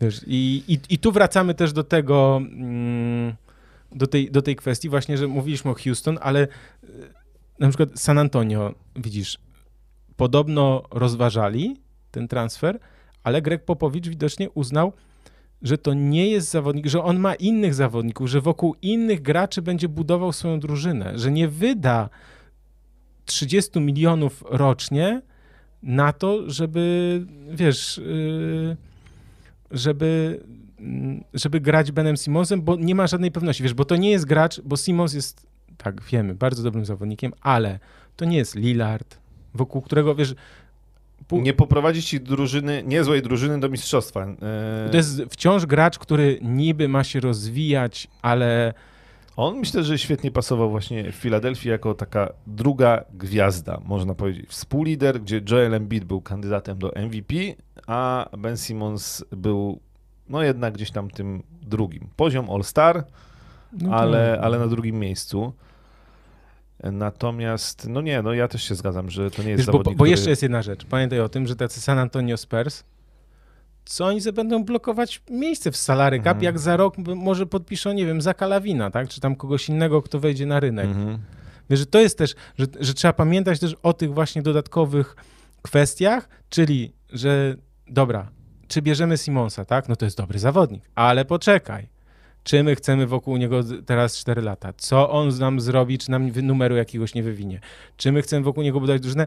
Ty, a może jak będziemy przegrywać, to kogoś z jedynką albo z trójką w drafcie wyciągniemy i będzie 100 razy lepszy, będziemy płacić przez 3 lata po 3 miliony, czy tam 5, wiesz, no w sensie Em, mamy tutaj na naszym czacie jedna z opinii. Gortat mówił, że nieraz e, się zawodnicy na lotnisku dowiadywali, że jadą do innego klubu i nie było gadki. No tak, tylko że to e, oczywiście, kilku tak. nazwisk e, w lidze nie dotyczy. To znaczy nie wyobrażajcie sobie, że menedżer dzwoni do Lebrona, zostałeś wymieniony i pakuj się do Minnesoty. No, no nie, no więc e, wielu koszykarzy oczywiście, że tak. Bierze udział w wymianach i się dowiadują e, że następnego dnia mają być już w innym mieście i na treningu innej drużyny. Natomiast, natomiast umówmy się, że raczej jednak Ben Simmons będzie wiedział. Nie no, to, to musi być ustalone, bo też drużyna, która go pozyskuje, bo to jest trochę tak, że jak pozyskujesz gracza, nie wiem, piątego czy siódmego z jakiegoś zespołu, no to sorry stary, jak nie chcesz grać, to wypad, no. W sensie nie grasz, yy, zaraz karę nałożymy, nikt, i jeszcze jedna rzecz, nikt nigdy z tobą nie podpisze kontraktu w NBA, bo idzie fama, w sensie jesteś spalony, do widzenia. Więc to jest jakby, oczywiście, że się dowiadujesz i musisz, i musisz grać, musisz trenować i, i zacisnąć zęby, jak ci się nie podoba, że jest zimno w Minnesocie, no to sorry, no to jakby kup ciepłą kurtkę, no. Tak, takie jest życie, no. Dlatego ci, wiesz, no, do, taka jest brutalna prawda, tak, w sensie brutalna rzeczywistość NBA właśnie jest taka, że, że no, no trochę tak jest, że nie możesz sobie wybrać, że ja bym tylko chciał w słonecznym, słonecznej Kalifornii albo na Florydzie, ewentualnie wiesz, gdzieś tam indziej, tak, no, to, i, no, no tu, tylko, tylko, że tutaj mówimy o gwiazdach i ta gwiazda no, trzeba z nią to ustalić, bo jak się okaże, że wydajemy 30 milionów dolarów rocznie na gościa, który nie chce u nas grać, no to trzeba sobie odpowiedzieć na pytanie, jak głupim menadżerem trzeba być, żeby kogoś takiego ściągać. Mhm. Bo się nie ściąga kogoś, kto nie chce u nas grać, tak? W sensie... e, Chyba, że tak jak, nie wiem, z Johnem Wallem było, że po prostu oni chyba wiedzieli, że dobra, weźmy cokolwiek, tutaj, tam i tak dalej, spuścimy go na drzewo za rok, tak? Mówiąc bardzo nieelegancko. Więc yy, Czekam na początek sezonu i na opcję atomową odpaloną przez Bena Simonsa i jego menedżera. tak, no, no Simons powinien był się pojawić na tym zgrupowaniu, powinien, yy, nie wiem, jak nie chce grać, Daryl to, Morey powiedział, że on wciąż jest 76. Heja, dzień dobry, zapraszamy. No tak, no może powiedzieć, że go plecy bolą, wiesz, i nie grać po prostu. Plecy ciężka sprawa, no, kontuzja, wiesz. Czasem jak boli, to człowieku, nie można chodzić. No. Można tak powiedzieć, słuchaj, mięśnie ponapinane. Znaczy, wiesz, pewnych rzeczy nie odkryje, znaczy nie, nie, no da się po prostu oszukiwać, tak? W sensie... Wall do Sixers, jakiś pik drugiej rundy, a Simons do Houston. Do Houston, potem Ben z Houston do Warriors za Wisemana. Ojej, Antoni tutaj troszeczkę w ten. No być może, słuchajcie, no, rzeczy zdarzą się ciekawe. Przewidywanie e, transferów w NBA nie jest łatwą rzeczą, delikatnie mówiąc. Delikatnie rzecz ujmując, tak, no to jest. y, To jest bardzo duży problem dla Filadelfii, w który się sama wpędziła tak naprawdę, ale też. Wiesz, bo te rzeczy nie wydarzyły się w Simonsie, to, to musiało, wiesz, coś pękło, tak? Tam musiał być kwas od dłuższego czasu. Tam musiało być coś się dziać złego od dłuższego czasu i, i jakby Ale e, Ben Simmons, mam wrażenie, że mówiliśmy o tym już tam kiedyś, że w Golden State Warriors wyglądałby też dobrze. ja też tak uważam. No, Więc tam mm, zobaczymy, co, co, co, co, co menedżerowie i co Daryl Morey i jego koledzy z innych klubów wymyślą i na co się kto zgodzi. I na co się zgodzi Filadelfia.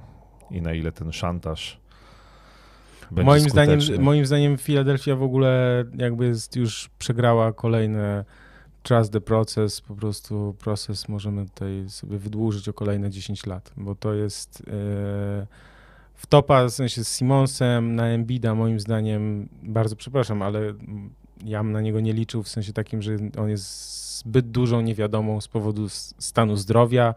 Doc Rivers to wiadomo, że to jest więcej... Fajny trener. Fajny, tre- bardzo sympatyczny, w, doku, w filmach dokumentalnych opowiada niesamowite historie, tylko jak, że jak przychodzi co do czego, to w papę, w papę i w papę, no więc jakby, i, ale No, lecimy na fejmie, że tam wiesz, 15 lat temu, z znaczy Bostonem. 12-13 lat temu, tak, mistrzostwo z Bostonem, no, no, no fajnie, tylko ile można lecieć na fejmie, no w sensie na, No delikatnie e, rzecz ujmując, po raz kolejny nie miał najlepszych lat ostatnio.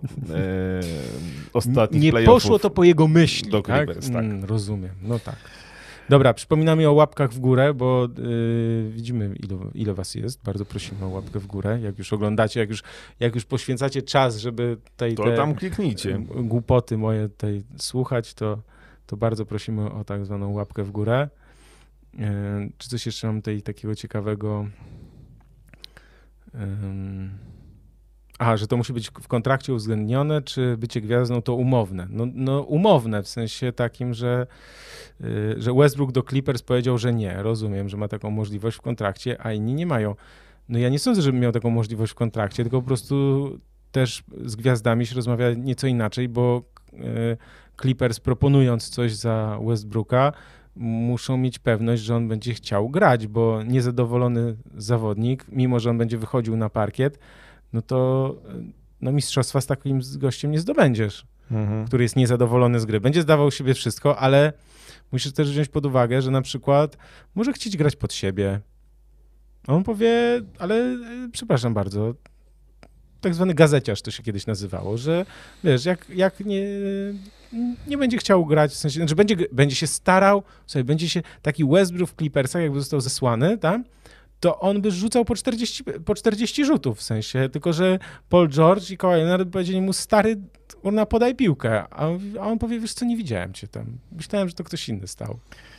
E, a gdyby zamiast e, Fulca wzięli Tatiuma albo Michela, no tak, tak, tak. Gdybanie na temat draftów jest zawsze bardzo fajne. No, dzisiaj wiemy, że Markel Fultz nie był dobrą opcją i wiemy, że Donovan Mitchell i Jason Tatum e, są wschodzącymi Mnóstwo gwiazdami. Jest, a Michael to, Carter Williams? No ale to wiesz, to, to Też za, przecież zawsze po czasie to wszyscy są mądrzy, my też. Pewnie. To jest w ogóle taka kolejna, jak ktoś ma ochotę, czasem się, no nie wiem, nudzi na zajęciach studenci, a nie wiem, może ktoś się czasem nudzi w pracy. Um, nie, poczekaj, bo on nie był jedynką chyba, tylko gdzieś był Rookie of the Year, tak? Kto? Jak to było? Michael Carter Williams, jak to było? Nieważne. Markel Fultz na pewno był jedynką. No tak, tak, tak, tak. Ale y, co chciałem powiedzieć, że taka jest bardzo ciekawa rzecz, która mnie na przykład osobiście bardzo zastanawia też czasami, że jak niesamowite jest to, że w NBA no, w większości klubów pracują fachowcy. W większości. I zwłaszcza na tych niższych szczeblach. Poza Minnesotą.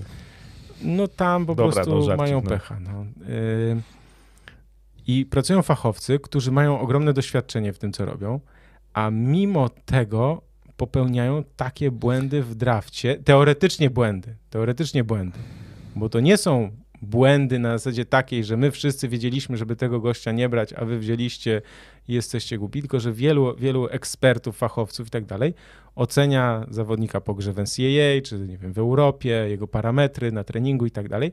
Natomiast potem się okazuje, że gość, który był, nie wiem, piąty numer draftu, no nie ma człowieka. Po kilku latach nie ma go w NBA nawet, Wiesz, tak? Zdarza się, że był ktoś numer jeden draftu i nie ma go w NBA, więc e, no jakby to zawsze jest ryzyko, bo mimo wszystko e, ciężko jest przewidzieć, jak te kariery tych zawodników się rozwijają i rzadko, bardzo rzadko zdarzają się no takie pewnie jak na przykład LeBron James, tak? Jak LeBron James przychodził do NBA, no to, no to właściwie było pewne, że kto ma jedynkę, no tak, to ma tak, gwiazdę tak. na lata, tak? I, i, I to było Cleveland, ale, ale takich graczy... Ale wiesz, a ilu, jest, a ilu jest takich, którzy, wiesz, byli, nie wiem, z 15, no Janis był chyba z 13, prawda? No, Więc jakby... Tak, tak, no, Nikola Jokic, naj, najniższy numer draftu jako MVP, tak? MVP z najniższym numerem draftu, więc jakby... On w drugiej rundzie, się, tak? Czy to nie? się, chyba tak, nawet, no jakoś daleko. Więc y, to się zdarza. Ale, bo to, e, dlaczego ja chcę to powiedzieć, ja, czemu ja to poruszyłem?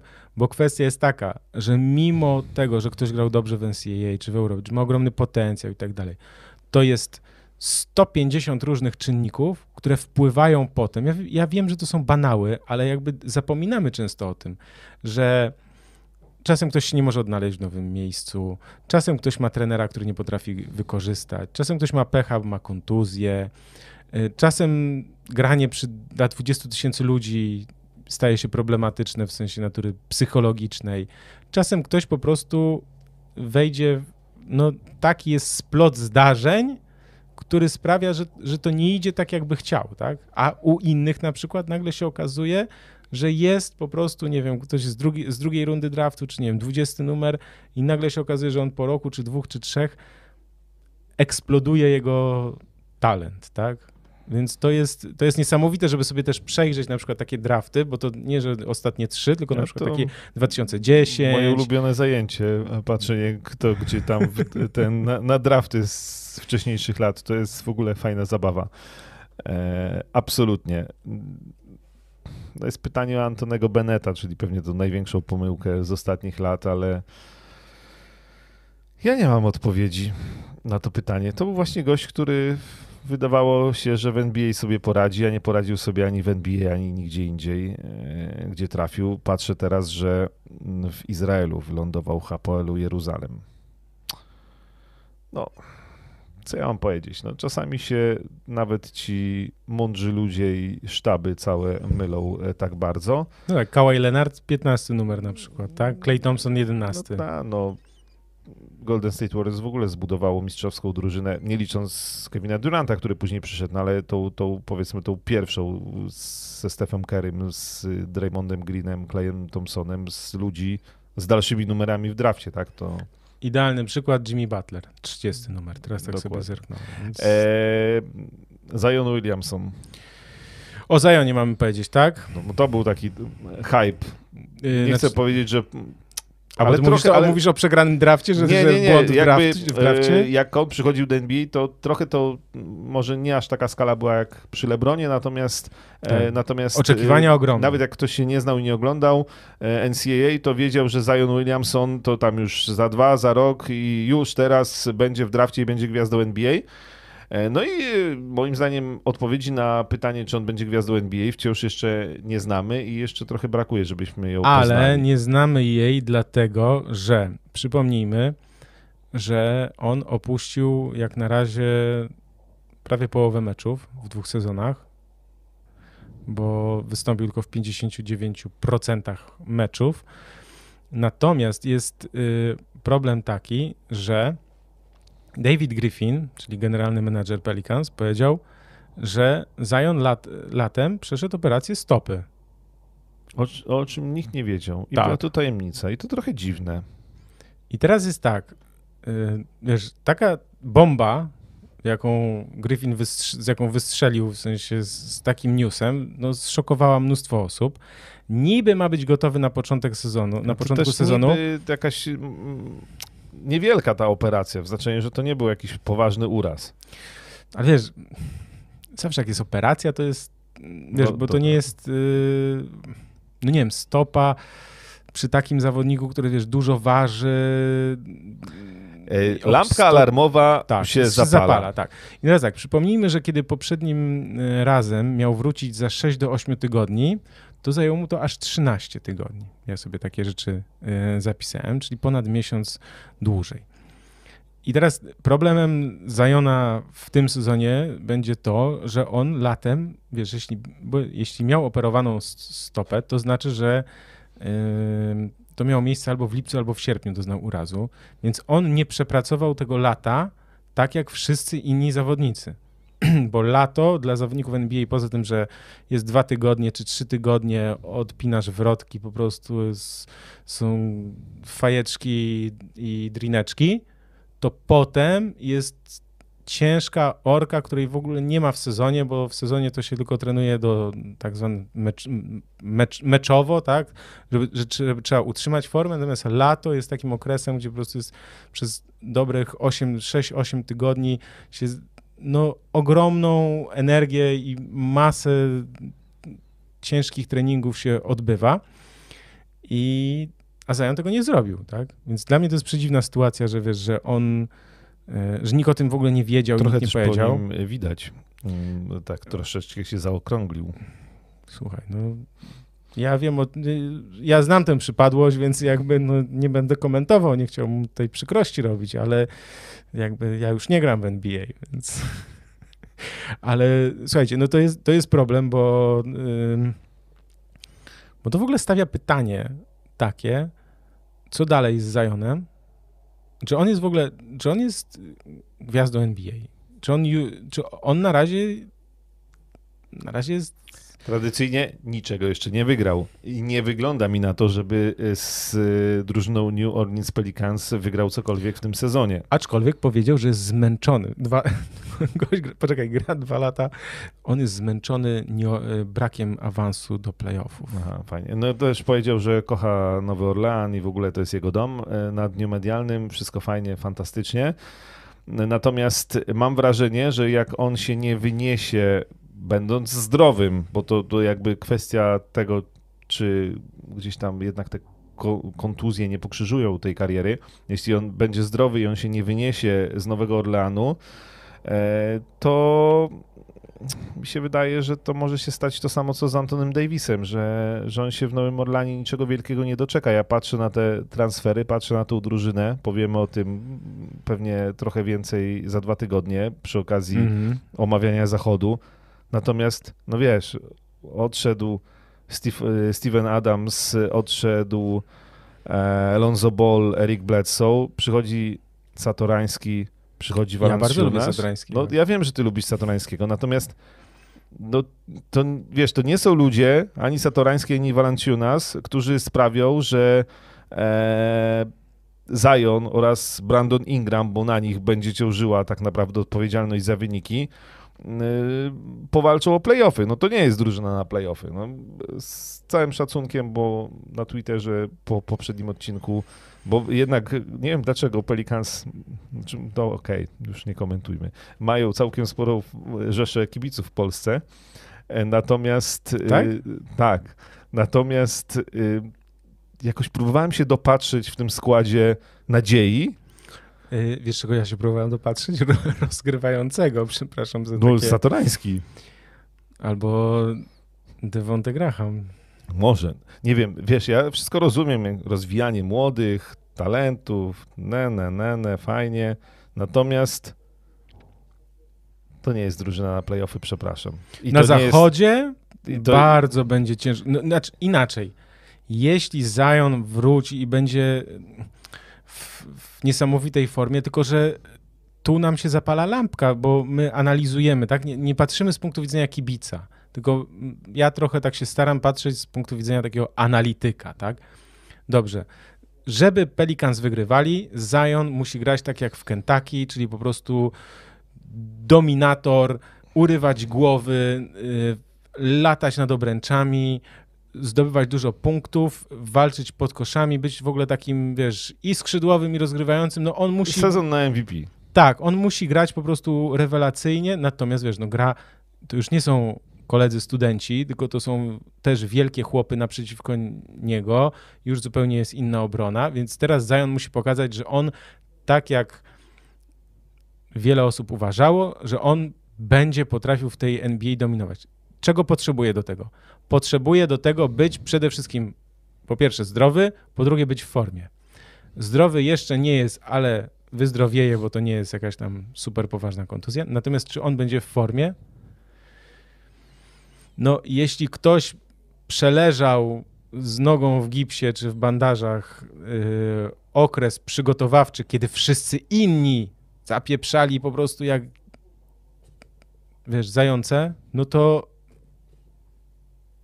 no to to jest kolejny punkt jakby ja, zapalny, ja alarmowy. Widzę jeden scenariusz. Zion, jeśli Zion będzie zdrowy i będzie grał, powiedzmy robił postępy w każdym sezonie i będzie aspirował do gwiazdy tej ligi, to Nowy Jork, New York Knicks, witam i zapraszam, e, bo w Nowym Orlanie nic go ciekawego Ja też widziałem taki komentarz, że nie czeka. Knicks oczko w głowie Krzyśka, tutaj był wcześniej taki.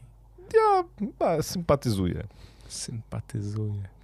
New York Knicks jak dla mnie. New York ja, Knicks... kibico, ja kibicowałem, jak wiesz, wołałeś na nie powiem kogo, Zorro. Yy, Nixon ty, ty, w 90. Ty, ty, Ja jestem twoim rówieśnikiem, więc tutaj wiesz, teksty to ten. Nie, yy, New York Knicks, mocni New York Knicks, tak samo jak mocni Los Angeles Lakers są potrzebni lidze NBA, tak. bo wiadomo. Kentucky nie zdobyli z nim mistrzostwa. No tak, ale w NCAA nie jest najważniejsze mistrzostwo, tylko to... Zion powinien być jak Sir Charles Barkley. No. no to niech się uczy w sensie też... Charles Barkley był troszkę innej postury, jak przychodził do NBA. Był szalony. Tak, oczywiście, że powinien tak grać, tylko no... No, gruby. To nie ja powiedziałem, to cytat tutaj od Macieja Kuczmarskiego, Zajon Gruby na tym e, Media Days. E, no, On też ma taką budowę, tak? Musimy no tak, też pamiętać tak, o tak, tym, oczywiście. Gruby to możemy powiedzieć, wiesz o kim? O Luce Donciciu, bo ja mam wrażenie, że on to ma problemy.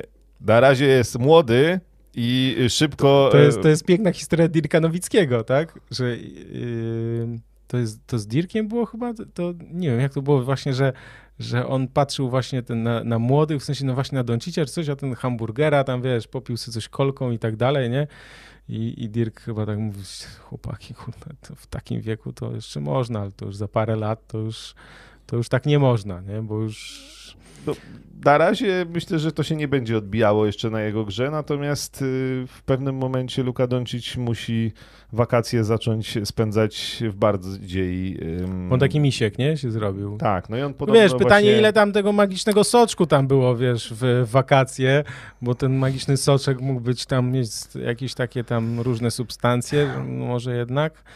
wiesz, nigdy nic nie wiadomo, no. Ile tam magicznego soczku na, na wiesz, na... Słuchaj. Toni Kukoc też pił dużo magicznego soczku, Słuchaj. pamiętasz? Ym, lekcje u Roberta Lewandowskiego i Anny Lewandowskiej z bycia profesjonalnym sportowcem i parę lat dłużej kariery na pewno e, będzie. Tak, bo tutaj Gniewko napisał, że czy, czy w Pelicans, że nie mają od przygotowania fizycznego i dietetyka. No, no właśnie, to jest pytanie. No, przygotowania fizycznego, mm, to jak gość jest rozwalony, no to może z nim, wiesz, nie wiem co. Znaczy, z drugiej strony zawsze można tą górną część ciała, znaczy nie zawsze, tak, bo też napięcia idą na całe ciało, ale, ale czasem gdzieś tam pewne rzeczy można robić, ale rzeczywiście mnie zawsze to zastanawia, że ktoś ma miliony, tak, bo to mówimy o ludziach, którzy mają miliony, bo co innego jak sobie sam musisz, wiesz, masz robotę, dzieci, podcast wieczorem i tak dalej i jeszcze musisz sobie coś zdrowego przygotować, to nie zawsze starcza czasu, ale też pieniędzy na takie rarytasy, natomiast yy, no, kwestia dietetyka no jest to zastanawiające, tak, w sensie takim, że, że mając takie pieniądze i takie możliwości, że ktoś nie jest w stanie pewnych rzeczy zrobić, bo pa- pamiętasz Nikolaj, Joki, Nikolaj po pandemii, jak on On też był mm, me, tak, memem. przyjechał po prostu, znaczy był, misiek wyjechał i wrócił, wiesz, szczupak Mhm. w ogóle nie do poznania. No, Więc ale- można, no, jak się chce, to, to można, no. Słuchaj, no, tak. Sok z gumi jagód. No sok z gumi jagód, tak, gumi jagody to raczej zajon, no właśnie, no. Doncic chyba średnio się prowadzi. No wynika z tego, że chyba się średnio prowadzi i raczej jest na razie takim młodzieńcem mocno też zabawowym, co też y, na Igrzyskach w Pekinie był mały przecież skandal, jak tam zdjęcia jedna koszykarka zrobiła z imprezki e, łamiącej w reprezentacji Słowenii, e, łamiącej wszelkie zasady covidowe w Japonii. To nawet mi to umknęło, bo jakoś Więc- chyba byłem wtedy nieobecny. Więc tak, no ale na, na razie on jest jeszcze młody, metabolizm dobry, więc y, tu jest Ale, spoko. i no tak, tylko tu trzeba... uważać, bo pamiętajmy też o jednej rzeczy, najważniejszej, że to jak się ktoś prowadzi, to jak ktoś ma odporność organizmu, tak, czyli to, to wpływa potem na kontuzję. Teraz to jest tak, jak masz 20 lat, to ha, ha, ha, hi, hi, hi, tam kontuzje, kontuzje, ja tutaj, wiesz, tam polecimy do Maczka i zrobimy trening, nie? Ale jak już masz 25, to już ten maczek wychodzi, no i, i, i nie można takich rzeczy robić i musisz poświęcać bardzo dużo czasu, żeby właśnie y, kontuzje się nie przytrafiły, bo no, no to jest zawsze tak, że jak masz nieprzygotowany organizm, czyli właśnie kilka kilogramów w zawodowym sporcie, tak? Ja mówię, nie, nie w Mhm. życiu normalnym. Tak? Kilka kilogramów za dużo, gdzieś coś krzywo staniesz, yy, spadniesz i tak dalej. Gdzieś noga, wiesz, siądzie noga, jak to się mówi, bo czasem tak jest, że noga siada, próbujesz wyskoczyć, wiesz, no, ponad obręcz i nagle noga siada, spadasz krzywo i sorry. No, wiesz, kontuzja Kleja Thompsona była z y, efektem przeciążenia, tak? W sensie ty, on źle, stan, źle spadł, bo po prostu siadła mu noga i, i, i, i krzyżowe poleciało, no, więc jakby kolano poleciało. No. Ostatnio był taki piłkarz, przepraszam, też piłkarz, nie wiem jak się nazywa niestety, przepraszam, ale też ktoś mi pokazywał po strzelonej bramce, wyskoczył, chyba z Legii, wyskoczył, wiesz, Kafustka. tak, i spadł, kolano lekko ten i, i krzyżowe, Sezon nie? z głowy. I sezon z głowy. No ale z czego to wynikało? Oczywiście pech, tak, ale z, z obciążenia, czyli przeciążenia w porównaniu do y, w sensie możliwości organizmu. No. Mm, Odpowiadając na wasze komentarze, spoko, tam luz dajemy, młodość ma swoje prawa, niech se Luka robi co chce, to jakby jego sprawa, natomiast gdzieś tam widzimy y, trochę co się dzieje. Czy Jokic zostanie MVP w tym sezonie? Nie, nie zostanie. Wraca Jamal Murray, więc jakby właśnie mam nadzieję, Ale że to wróci. też y, raczej nie od początku sezonu. Nie? Nie, tak. Natomiast natomiast natomiast mamy ten e, kontrakt podpisał a w Denver maksymalny, no czekajcie. Bo teraz to Michael Porter Jr. Michael Porter Jr., no właśnie, człowiek tak. Ja myślałem, że chcesz go tak zaanonsować, a to musiałeś się upewnić, jak się nazywa, rozumiem. Tak. no. Michael Porter Jr. oczywiście, E, czasami też coś z głowy wypadnie, natomiast podpisał maksymalny kontrakt, z, też no, taki jest trochę trend, że... Trynd tak zwany. Że wiesz, jak mamy kogoś, kto chociaż zapowiada się na gwiazdę albo ważnego, jest ważnym zawodnikiem, to już dajemy mu maksa, bo wszyscy chcą maksa i wszyscy podpisują maksa. Nie Ale wiem, wiesz czy- dlaczego? Bo mogą sobie na to pozwolić, bo najprawdopodobniej salary cap będzie większe w, w kolejnych latach. A dwa, Michael Porter Jr. jest na tyle uniwersalnym zawodnikiem, że w przeciwieństwie do, Simen, do Simonsa, ktoś mógłby chcieć go mieć w swoim składzie, nie? Więc jakby... Ja nie wiem, czy on jest wart tych pieniędzy na razie, ale może to inwestycja w przyszłość yy, też Wiesz, jaki, z jakim komentarzem, przepraszam, przerywam ci tak ciągle, ale wiesz, z jakim komentarzem się spotkałem też na temat Michaela Portera Jr., bo tam jest yy, Jokic, Murray właśnie i tam Porter Jr. i tak dalej. Któryś z nich niedługo zostanie wytransferowany. No, że za rok na przykład, Może tak dwa, być, wiesz, no. że jakby no pożegna się z, z, z NBA. No. Znaczy nie z, bo, Yy, przepraszam, nie z NBA, Den- tylko z Denver Nuggets. Denver. Nuggets, tak jest, Denver Nuggets. Już się ta pożegna. godzina, że już mi wiesz, E, Dobrze, na to- synapsach nie łączy. to ja nie wiem, y, bo my mamy jeszcze takie tematy jakieś y, bieżące, czy możemy... My mamy temat przede wszystkim, słuchaj, bardzo ważny, bo pytacie nas często, jak y, możecie pomóc w rozwoju y, probasketu i słuchajcie, nie robimy, ja tak, ja wyłączyłem nawet reklamy na YouTubie, bo mnie wkurzają. Mhm. Jak ja oglądam, to mnie wkurzają. I ja dla tych 5 złotych nie będę, uważam, że nie ma sensu katować ludzi, bo to tylko ich zniechęci. W sensie, więc ja wyłączyłem nawet reklamy na YouTube, żeby już nie robić cyrków. Natomiast jest, dzisiaj ruszyła nowa promocja w oficjalnym sklepie Nike. My Nike bardzo lubimy. Tutaj teraz... Nike bardzo lubimy. Wrzucam właśnie informacje na czat. Tak, o właśnie, służ, proszę bardzo. Aha, ja mam troszkę inną bluzę, ale to nieważne. Nike, tutaj jest wszechobecny w naszym e, i w naszej garderobie, i w naszym studiu. I jeśli chcielibyście, oczywiście polecam, dlaczego polecam tę promocję, bo to nie jest zwykła promocja, tylko to jest, jak się wpisze kod specjalny, który jest w tym artykule, jak ktoś od nas słucha i nie może zobaczyć na czat, to jak wejdzie na ProBasket, bo jeszcze ta promocja będzie przez tydzień, to ją na pewno znajdzie. Czerwone, piękne zdjęcie pudełeczka Nike. I już mówię w skrócie o co chodzi. Jest dodatkowe 20% zniżki na produkty, które już zostały wcześniej przecenione. Czyli jak tam, wiesz, w domu sobie policzysz, dużo ci wyjdzie. Każdy umie liczyć. Tak, jest. Na niektóre rzeczy można naprawdę złapać 50%. Jest ponad 2000 produktów. Jest koszulka Zajona na przykład za 250 zł zamiast 380, 260, przepraszam, zamiast 380. Simonsa na przecenie już, czy jeszcze nie? Simonsa nie ma, ale jest na przykład Janisa i to z reprezentacji Grecji też, słuchaj, za 215 zamiast 380. Są buty do kosza, ale jest mnóstwo ubrań, tak, takich zwykłych, tradycyjnych, w sensie bluzy sportowe, spodnie i tak dalej, i tak dalej. Dlatego jeśli planowaliście na przykład zakupy, to zachęcam do zakupów w oficjalnym sklepie Nike, więc nie ma żadnej ściemy, nie jest to sklep krzak, nie wiadomo jaki, co tam z Krzyśkiem w piwnicy te metki do, do, doszywamy.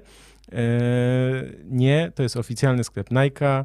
Jak macie też znajomych, to podeślijcie im tego newsa, bo po prostu no, wy skorzystacie na tym, że akurat jest teraz dobra promocja i kupicie taniej, jeśli planowaliście na przykład zakupy, albo możecie sobie przejrzeć, a my oczywiście też na tym skorzystamy, bo mamy od tego procencik, więc jakby jako probasket. I teraz takie dolarki się zaświeciły w oczach. Moje? Moich? Tak, widzę tam refleksy na okularach. Em, chciałem powiedzieć, że film obejrzałem. Gratuluję! Dziękuję. Malice at the Palace. Aha. E, bo były zarzuty, że to skandal, że my prowadząc podcast nie obejrzeliśmy go od razu Tak, po premierze. stary, jak, jak, znaczy, słuchajcie, ja trochę się śmieję, był taki komentarz, że jak w ogóle goście zajmujący się koszem mogą nie obejrzeć i tak dalej.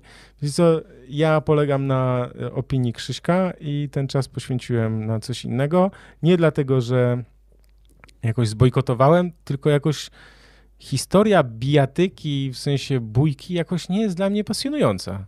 No ja też miałem e, podobnie. Znaczy ja obejrzałem w końcu ten film ze sporym opóźnieniem, a mówimy Jak o mi nim jeszcze. opowiesz, to Ja albo się powiem- zdecyduję na to, żeby obejrzeć, Nie. albo stwierdzę, że Ja dziękuję myślę- ci myślę- myślę, za zaoszczędzoną Znaczy ja godzinę. rozumiem wszystkich, którzy gdzieś tam no, oburzyli się, że, że nie obejrzeliśmy, bo to Mhm. takie ważne. Natomiast y, też jakby podchodzę do tego, trzeba trochę wybierać. Jak y, pamiętam, rozmawialiśmy o filmie o Luku Longleyu, to jak mi wpadł w ręce, to obejrzałem o trzeciej w nocy, bo stwierdziłem, wow, to musi być dobre i to było dobre. Natomiast z filmem Malice the Palace, który jest dobrą, solidną dziennikarską robotą, opowiedzianą w jedyny możliwy, sensowny sposób, czyli e, tych trzech gości, głównych uczestników e, tej bójki z Indiana Pacers, e, ściągniętych, postawionych przed kamerą, opowiadają to krok po kroku, jak to się wydarzyło i jakie to miało skutki dla ich karier i psychiki. I to myślę, że jest dosyć ciekawe, bo jakoś tak mi w pamięci zostało, że akurat do Rona Artesta to ta bójka jego kariery ggdzieś tam pasowała. Ale Natomiast też łatka taka mu została, tak, nie? tak, że natomiast Przypomnijmy tylko, że to było 19 listopada 2004 roku, więc już parę lat temu. Tak, e, no i oczywiście, no ja, y, tak, no jakby historia tych trzech graczy i jak wpłynęło to na ich kariery i rzeczywiście, słuchając ich, trochę, trochę zmieniłem opinię, bo no, ja oczywiście pamiętam tą historię i to, jak e, David Stern ich ukarał, no ale, ale to- to, jest okej i rzecz, która mnie zaskoczyła na plus, jakby nowa informacja dla mnie, całe śledztwo e, policyjne, które było ogromne, bardzo pracochłonne. Tam Mhm. pada takie zdanie, że w tym czasie e, ginęli ludzie i były inne poważne e, przestępstwa, a oni musieli zajmować się tym, bo chcieli to wyjaśnić, trochę broniąc tych zawodników, bo NBA wtedy, i to też, to jest druga rzecz ciekawa, jak Mhm. zmieniły się czasy, NBA wtedy od razu, no jakby David Stern jednoosobowo zadecydował, ogromne kary dla e, tych trzech graczy. Na E, cały sezon zawieszenia, tak? Czy... Eee, te- nie, nie wszyscy. Poczekaj, bo tam było. e, Ron Artest chyba był na cały sezon do końca, natomiast oni tam ró- różnie te stopniowanie kar, ale generalnie także rozwaliło to Indiana Pacers e, w tamtym sezonie doszczętnie.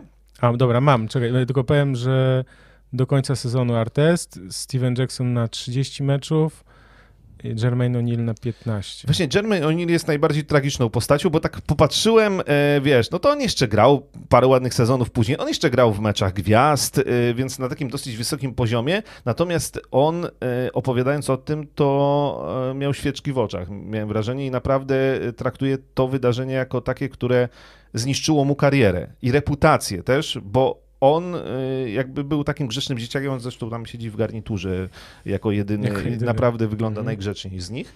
E, I jest taki trochę, że później też miał żal, że media już się nie interesowały tym, jak on wygrał apelację, e, Mm. że o tym już nikt nie powiedział, e, że została mu ta łatka gościa, który brał w tym udział, przypięta i tak już zostało na resztę Czyli życia. trochę jest I- tak, że ten film miał trochę też przedstawić punkt widzenia zawodników Tak. i troszkę przedstawić Bo- tę bo- historię bo w- z innego, nazwijmy to jednowymiarowego spojrzenia, bo jak ja teraz pamiętam tę sytuację, a gdzieś tam ją pamiętam, no to było tak, że po prostu wybiegli w trybuny, artest jednego gościa, drugiego tam Tak, w no. ogóle... No tylko, Karuzelę że, tylko, że wi- wina wiesz. była bardziej po stronie kibiców. Tam jednego, który rzucił butelką w Artesta, to on do niego pobiegł. Później Tak. kibice wtargnęli na parkiet, chcieli ich bić, e, koszykarzy. Ochroniarzy brakowało, m, Mhm. e, tam też był źle zabezpieczony ten mecz. E, Natomiast... e, No, Detroit jest takim, takim miastem, że tak. Natomiast e, no, to śledztwo policyjne trochę jakby wzięło w obronę koszykarzy. mhm. To, co się zmieniło przez te lata na, w naszym świecie, to pierwsza rzecz, która mnie uderzyła. E, pamiętamy po COVID-zie, jak wrócili kibice do hal i mieliśmy tam przypadki, że ktoś tam rzucił butelką, ktoś tam napluł na koszykarza, od razu były bany do końca sezonu. No tam tak. wtedy David Stern, wo, ża- ale w ogóle żadnej wojny z kibicami. Ukarać koszykarzy, kibice są ok. NBA nie chciało w żaden sposób ruszyć Ale to kibiców. czasy się zmieniły, wiesz, po prostu Wiesz, czasy co się mnie najbardziej uderzyło? Media amerykańskie. Jak miałbym ci skrócić, jak określani byli w ESPN-ie, w gazetach e, koszy, tamci trzej koszykarze? Czarnoskórzy, przepłaceni, gangsterzy. Przecież teraz, jak ktoś by tak nazwał koszykarzy, No to dziękuję, do widzenia, to... e, No nie, przypomnijmy, nie ma takiego przypomnijmy media. pewną panią, która straciła robotę, Rachel Tak, Nichols. Tak, no e, i ona to powiedziała w prywatnej rozmowie, która się nagrała. I tak? nie powiedziała t- aż tak bardzo, Nie, no i tylko zasugerowała po prostu tak, tak, coś. tak, no tak, więc tak, jakby... Więc, e, więc y, czasy się bardzo zmieniły, narracja w mediach się bardzo zmieniła, podejście e, jakby też do koszykarzy inne i do kibiców inne, to to mnie uderzyło akurat w tym filmie, e, bo Mhm. tego powiedzmy z tej całej sytuacji nie pamiętałem. No ja też zatrzymałem się na tych karach, gdzieś tam Ron Artes później zdobył mistrzostwo, e, gdzieś tam na zawsze został takim bad boyem e, w NBA, twardzielem i to trochę mu pasowało, natomiast on tam też mówi, że wtedy, co też wtedy nie było, jakby o tym się nie mówiło, on walczył z depresją, miał spotkania... e, Kto? Artes? Artes, wtedy, e, terapię z psychologiem, to między innymi on też mówi, że, bo on się położył na e, stoliku sędziowskim, bo powiedział, że to było zalecenie jego psychologa, że jak coś się dzieje, to Mhm. on ma znaleźć sobie miejsce i czas i się uspokoić i chwilę pomyśleć. On się położył, rzeczywiście, tam było zamieszanie już na parę on się położył i wtedy dostał tą butelką od kibica, czy tam puszką. E, więc to, to było takich kilka kwestii, które, e, które były nowe i dlatego może warto obejrzeć ten film. No to Natomiast, powiem ci, że zachęciłeś natomiast mnie. poczekaj, bo będą minusy. Aha. Nie, to... Nie, no będą. Nie, muszę powiedzieć o minusach. Bo dlaczego ja zwle... To jest Bo po pierwsze, to był e, mecz i- i bójka e, koszykarzy Indiana Pacers z Detroit Pistons i to są drużyny, które e, w moim rankingu ulubionych są raczej w dolnych rejonach tabeli, obie. I nigdy nie lubiłem żadnej Indiany ani żadnych Detroit. I z tamtych czasów też jakoś nie pałam sympatią. Po drugie, e, też co mnie irytowało w tym filmie strasznie, jest Reggie Miller, jest czwartym narratorem i t- przy okazji tego, tej bójki jest na każdym możliwym marginesie w, y, opowieść o tym, jak ta Indiana Pacers była wtedy fantastyczna. Tak, tak, tak, tak. I, tak. I to, że w ogóle oni przez ten mecz to stracili mistrzostwo w tamtym sezonie, do tego dochodzi fatalne, bo proszę, Netflixie, nie idźcie tą drogą, fatalne polskie tłumaczenie. Zgłoście się do nas, my z Krzyśkiem ogarniemy wam tłumaczenie. E, Ale nawet wiesz, już prze... okej, tłumacz nie musi się znać na koszykówce, ale później już tą polską wersję komuś, kto ma pojęcie o koszykówce, to jest no tak, no, o, dramatycznie. to, o to mi chodzi, znaczy, żeby konsultacje, tak jak jest, jak jest serial Doctor House, pamiętasz? Było kiedyś Doctor House, to y, było zawsze konsultacja medyczna i zawsze było, wiesz, Tak. tłumacz jakaś z jakimś tym, nie? Słuchajcie, e, Michał Rutkowski, e, Znakomity który tłumaczy tak jest. książki SQN-owi, e, zna się ekspert od koszykówki i od języka. Tak, e, naprawdę tłumaczenie było dramatyczne, Mhm. e, e, pojęcia jakby nie, trzeba było się domyślać Jak to wielu się mówi, rzeczy. bez filmu.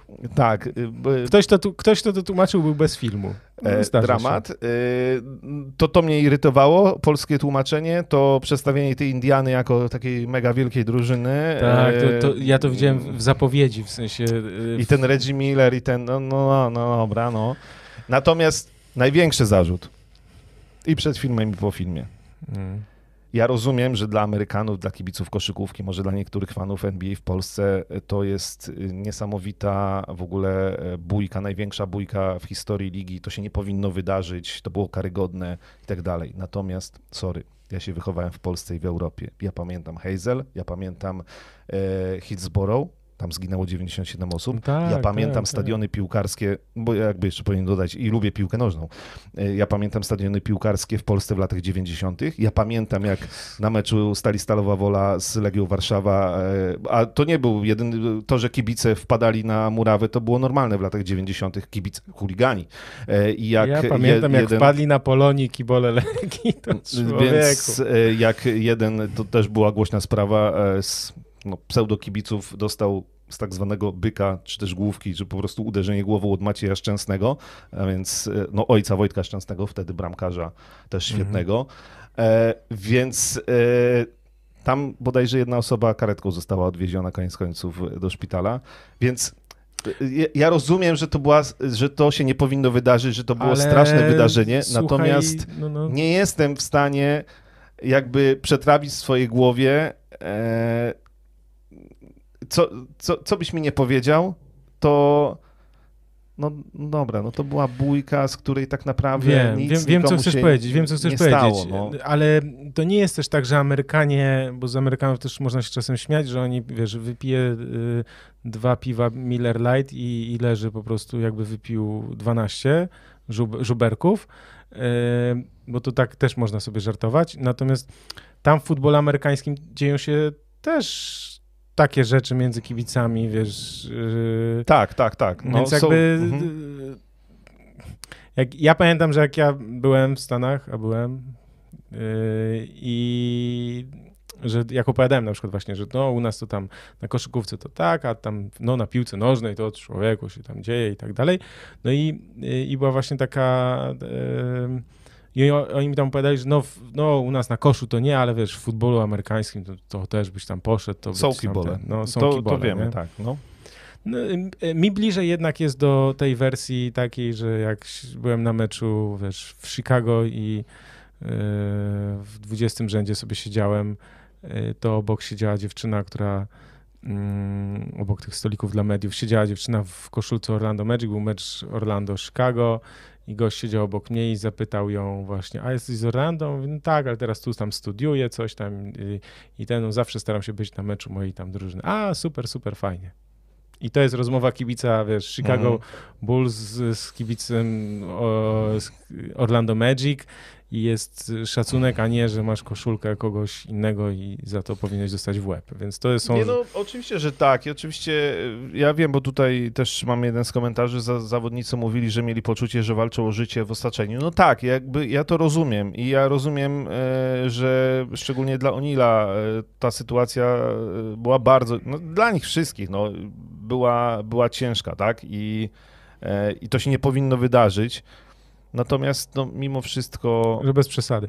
Wiesz, też nie, nie wiemy jednej rzeczy, bo jest też coś takiego jak atmosfera, nie? I czasem może się nic nie dziać, ale atmosfera w danym miejscu jest tak gęsta, że masz poczucie, że za chwilę po prostu ktoś wyjmie, nie wiem, kałasza albo po prostu kosę i zacznie, zacznie się jadka, nie? Że jakby rozumiem no. też to, że, że zawodnicy mogli mieć yy, mogli mieć takie poczucie, że wiesz, że, że coś się dzieje, nie? Że zaraz po prostu tu ktoś No tak, oni, eksploduje. oni wa- we, też tłumaczenie było takie, że jakby no, działali w samoobronie, no i Mhm. trudno się z nimi nie zgodzić, tak? No, też zarzut do Davida Sterna, który podjął w swoim życiu mnóstwo dobrych decyzji, natomiast ta była zła, bo, bo tam zarzut, że on podjął te decyzje e, na podstawie relacji z ESPN-u, no wydaje mi się prawdziwa. No tak naprawdę on nawet z nimi nie porozmawiał po tym wszystkim, tak dopiero śledztwo policyjne wyjaśniło, że No tak, tak, kibice, że to nie było tak, że ci koszykarze między sobą ok, natomiast zajście z kibicami, no wiesz, swoją drogą też mm, a propos tych piłkarskich historii, bo tutaj oczywiście padł przykład z Dino Baggio, który dostał w Krakowie No tak, nożem tak, w tak. głowę, ale Pamiętam. Eric Cantona, piłkarz, legenda Manchester United, który też do kibica podbiegł i, i, i z wyskoku ciosem karate korkami w twarz. Yy, No, stary, jakby ja wszystko rozumiem. Największa bójka straszna w historii NBA. Natomiast nie mogę, nie powiem, że, że to jest jakoś film, który wywarł na mnie jakieś wielkie wrażenie. Także dlatego, że jakby no, do, to, co po tej bójce, no to było dla mnie nowe, tak? Śledztwo Mhm. policyjne. Ciekawe było to zobaczyć, przypomnienie sobie, jak reagowały media na to, jak to wpłynęło na tych zawodników, bo myślałem, że jednak y, trochę też mniejszy to miało wpływ na nich. Y, Natomiast, natomiast no gdzieś pamiętałem tą bójkę i, e, i polecam obejrzeć dokument o Hillsborough. e, No tak, to wiem, na to, to przykład. jest straszna E, historia. To, to jest coś, co po prostu wiesz, nie, nie możesz się otrząsnąć po obejrzeniu e, Wiem. tego filmu, więc jakby e, no więc jak jesteś fanem NBA, a najlepiej tamtych drużyn Indiany i Detroit, proszę bardzo, natomiast natomiast nie żałuję, że nie obejrzałem tego filmu od razu Mhm. e, po, po premierze. No dobrze, dziękuję Ci za tę cenną opinię. Uwzględnię ją w moim kalendarzu. I tak, no może, wiesz co, może włączę. Mnie, mnie też trochę, jak widziałem właśnie Reggie'ego Millera, który tam się No wiesz, tam jest w ogóle... Wafluje jeszcze- trochę. Tak, jest że- jego no. zakończenie kariery, pożegnanie. Trochę, trochę ten wątek tej, nazwijmy to, wielkiej Indiany wciśnięty, trochę nie wiem po co. Ale nie zapominaj, że The Last Dance też było. I Red, pamiętasz Redziego, który mówił, "I my wtedy mieliśmy lepszy Mm. zespół i tak dalej. Kurde, gościu, No, no. Ja, wiesz, Wygrałeś, nie pozdrawiam wygrałeś, no. serdecznie fanów Nie, Portland Trail Blazers, którzy twierdzą, zresztą Clyde Drexler e, też twierdzi, że był najlepszym koszykarzem w historii, nie? więc jakby był lepszy od Jordana, no może tak. No, więc jakby są tacy, którzy wierzą, że tak było. słuchaj, niektórzy ludzie bajki piszą niesamowite. No. Nie, to nie tak się... Nie, dobrze, to w tych, e, w Barcelonie e, 92, A, okej. tam jest e, rozmowa z Drexlerem, E, tak, z której to wynika. Więc, y, więc no fajnie, fajnie, natomiast miejmy nadzieję, że takie sytuacje się nie powtórzą. No już teraz, ale to też jest ciekawe, to co powiedziałeś i żeby spojrzeć dzisiaj na NBA, jak bardzo się z, zmienił też, y, zmieniła się po prostu liga, nie? Zmienił się świat tak naprawdę, że o Teraz pewnych rzeczach wiesz, już... Dwight Howard dostał flagrant foul e, w tym, za, za to, a tam były, bo tam był też przypomniany mecz e, finału w konferencji rok wcześniej, który Detroit wygrało i później sięgnął po mistrzostwo i tam Ron Mhm. Artest wyleciał z parkietu, no to trochę, trochę inna skala fauli, no, powiem ci. Ale to ten foul Howarda, to on się, on, jak tamten się przewracał, to on to machnął, tak, machnął no, ręką. No, no, no, jakby, To tak też głupie, bo, bo on nie, nie wiadomo, czy specjalnie machnął No ręką. moim zdaniem Tamten się mi przewracał. To, mi to wyglądało tak raczej, że ratował się i mocno przypadkowe, ale dobra już. Co ja mogę biednym iść? No co ci mam powiedzieć? No słuchajcie, y, zbliżamy się do końca. Czy panowie grają w kosza, jeśli tak, to czy często? Y, Wiesz co, ja miałem taki powrót swój do Ligi 36+, który bardzo polecam, y, jeśli ktoś jest e, tak zwanym emerytem. Ale kolano poszło w prawo i potem w lewo i tak już zostało. Ja sobie rzucam, powiem No szczerze. Już nie gram. dwoma emerytami, którzy czasem sobie jeszcze porzucają. Ja Nie. sobie rzucam, mam taki kosz obok domu i tam sobie czasem chodzę i sobie porzucam. Natomiast yy, no już niestety skala ryzyka jest niestety tak duża, że, że już no... Więc zagrać... Zostaje nam piłka, zostaje nam NBA Wodna. 2, 2K, w sensie, że zostaje nam piłka w rękach w sensie i, i ta przyjemność rzucania. E, Natomiast już te gierki 5 Możemy na 5 w Horsa co niestety- najwyżej pograć. Tak, w Horsa możemy sobie zagrać, także to jest ten. Albo zorganizujemy Mistrzostwa Polski w rzutach wolnych na przykład. I zaprosimy Bena Simonsa. Ale nie może grać, bo nie jest Polakiem. Chyba, że mu szybko da, damy Open. paszport. Weźmiemy mistrz- Nie. Polish Open. Polish Open, albo zróbmy Mistrzostwa Świata od razu, słuchaj. Wiesz, to jest taka myśl. Tak, także y, ponieważ kończymy, to ja jeszcze coś tam chciałem... Mamy... y, A, chciałeś. Nie, proszę. Nie, ja mówi. chciałem powiedzieć, mamy nowego trenera reprezentacji Polski, Igor Milicic. Jak tam, panie były rzeczniku kadry? Co ci mam powiedzieć, no... Bawcie się, no. Znaczy ja, ja, ja... A, powiem tak. y, Zadzwoniła do mnie pewna redakcja, żebym udzielił y, komentarza, a ja powiedziałem, że to jest drużyna narodowa i ja wspieram drużynę narodową, yy, dlatego się nie będę wypowiadał. Po co? Znaczy, Eee, wiesz, no, dobrze. mi szkoda Majka z jednej strony, natomiast yy,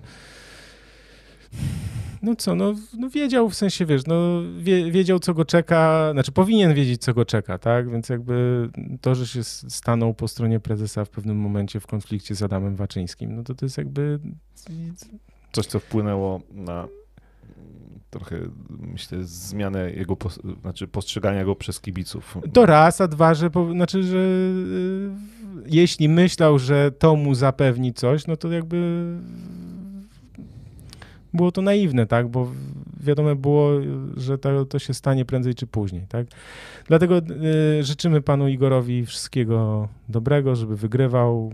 Będzie miał trudne zadanie, ale słuchaj, może nowe spojrzenie, entuzjazm, może to będzie gdzieś tam jakieś dobre, może będzie miał trochę szczęścia, bo mecze też są trudne, bo to jest tam w listopadzie, potem chyba tak, w lutym, a potem w, i tam cztery drużyny, trz, trzy wchodzą, jedna, jedna może grać, wiesz, tam przy czarnym scenariuszu to można, wiesz, jak za Maticia skończyć w jakiejś, wiesz, dywizji B, granie o awans do awansu, no więc jakby bardzo trudne zadanie i i co, no czyli ja, ja źle nie życzę, no, więc jakby, żeby była jasność. Natomiast co do układów personalnych i formy, jakiej to tam się odbyło i w ogóle co tam się dzieje, to myślę, że wiesz, zdanie jest jakby jasne.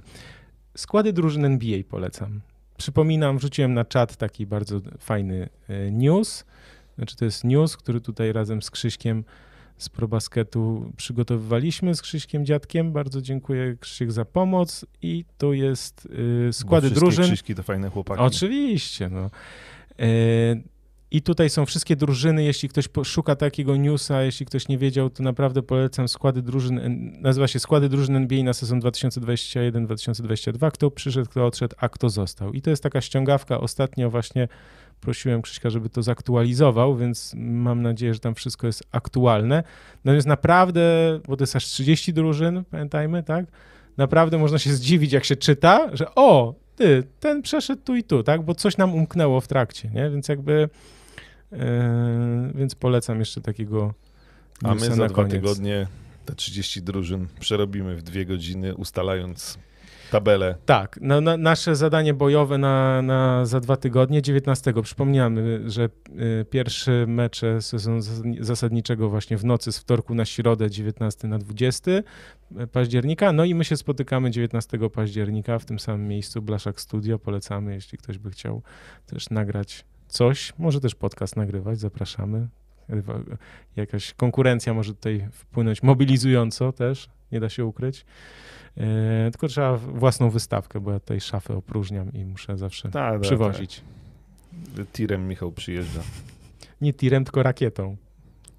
Kosmiczną. 400-konną. Dobrze, dobrze.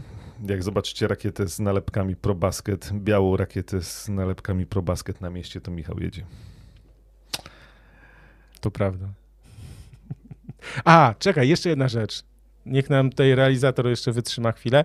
Słuchajcie, przypominamy, że jest już w ten weekend yy, wystawa NBA w Warszawie.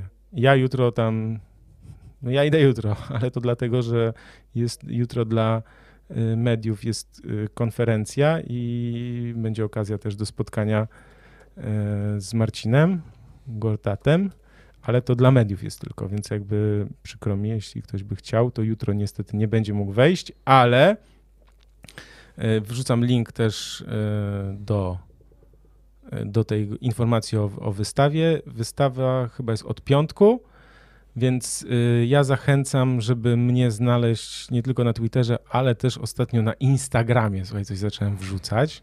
Brawo ale za, ciągle zapominam. Zawsze zapominam, żeby tam coś wrzucać i przed podcastem zapominam i wszystko zapominam, więc jakby, ale jutro na tej, na tej konferencji i tam troszkę z tej wystawy może zrobię parę zdjęć i gdzieś też, yy, no napiszę też, będzie na Twitterze też pisał, w sensie czy warto, czy nie. Myślę, że będzie warto, więc jakby yy, jeśli ktoś planuje, to rzeczywiście można można się wybrać i może też śledzić. Też opowiem za dwa tygodnie, bo ta wystawa będzie przez nie wiem, chyba trzy miesiące czy coś. Gdzieś tam jakby, do stycznia, no. Tak, więc jakby będzie czas jeszcze nawet, że można przyjechać, jeśli się okaże super, super bajerancka, to myślę, że nawet i można na weekend do Warszawy z innego miasta przyjechać, że nawet może będzie warto.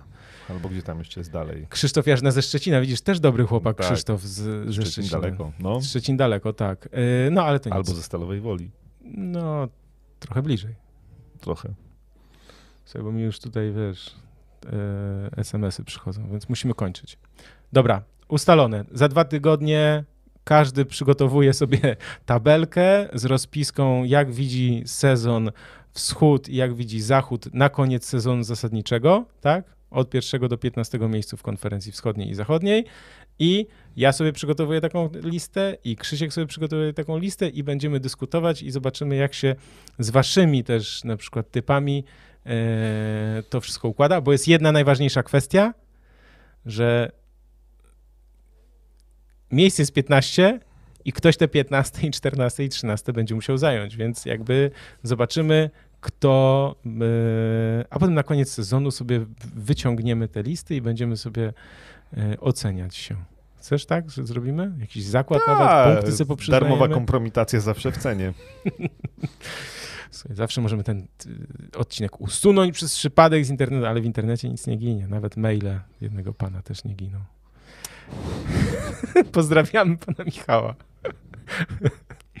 Dobrze, do nas nie pisał. Political fiction. Właśnie. Dobra, y, już wystarczy. Bo już taka godzina, że już wiesz. Dziękujemy. Do zobaczenia, do usłyszenia. Krzysztof Sendecki. Michał Pacuda. Widzimy się za dwa tygodnie, 19 października. Cześć.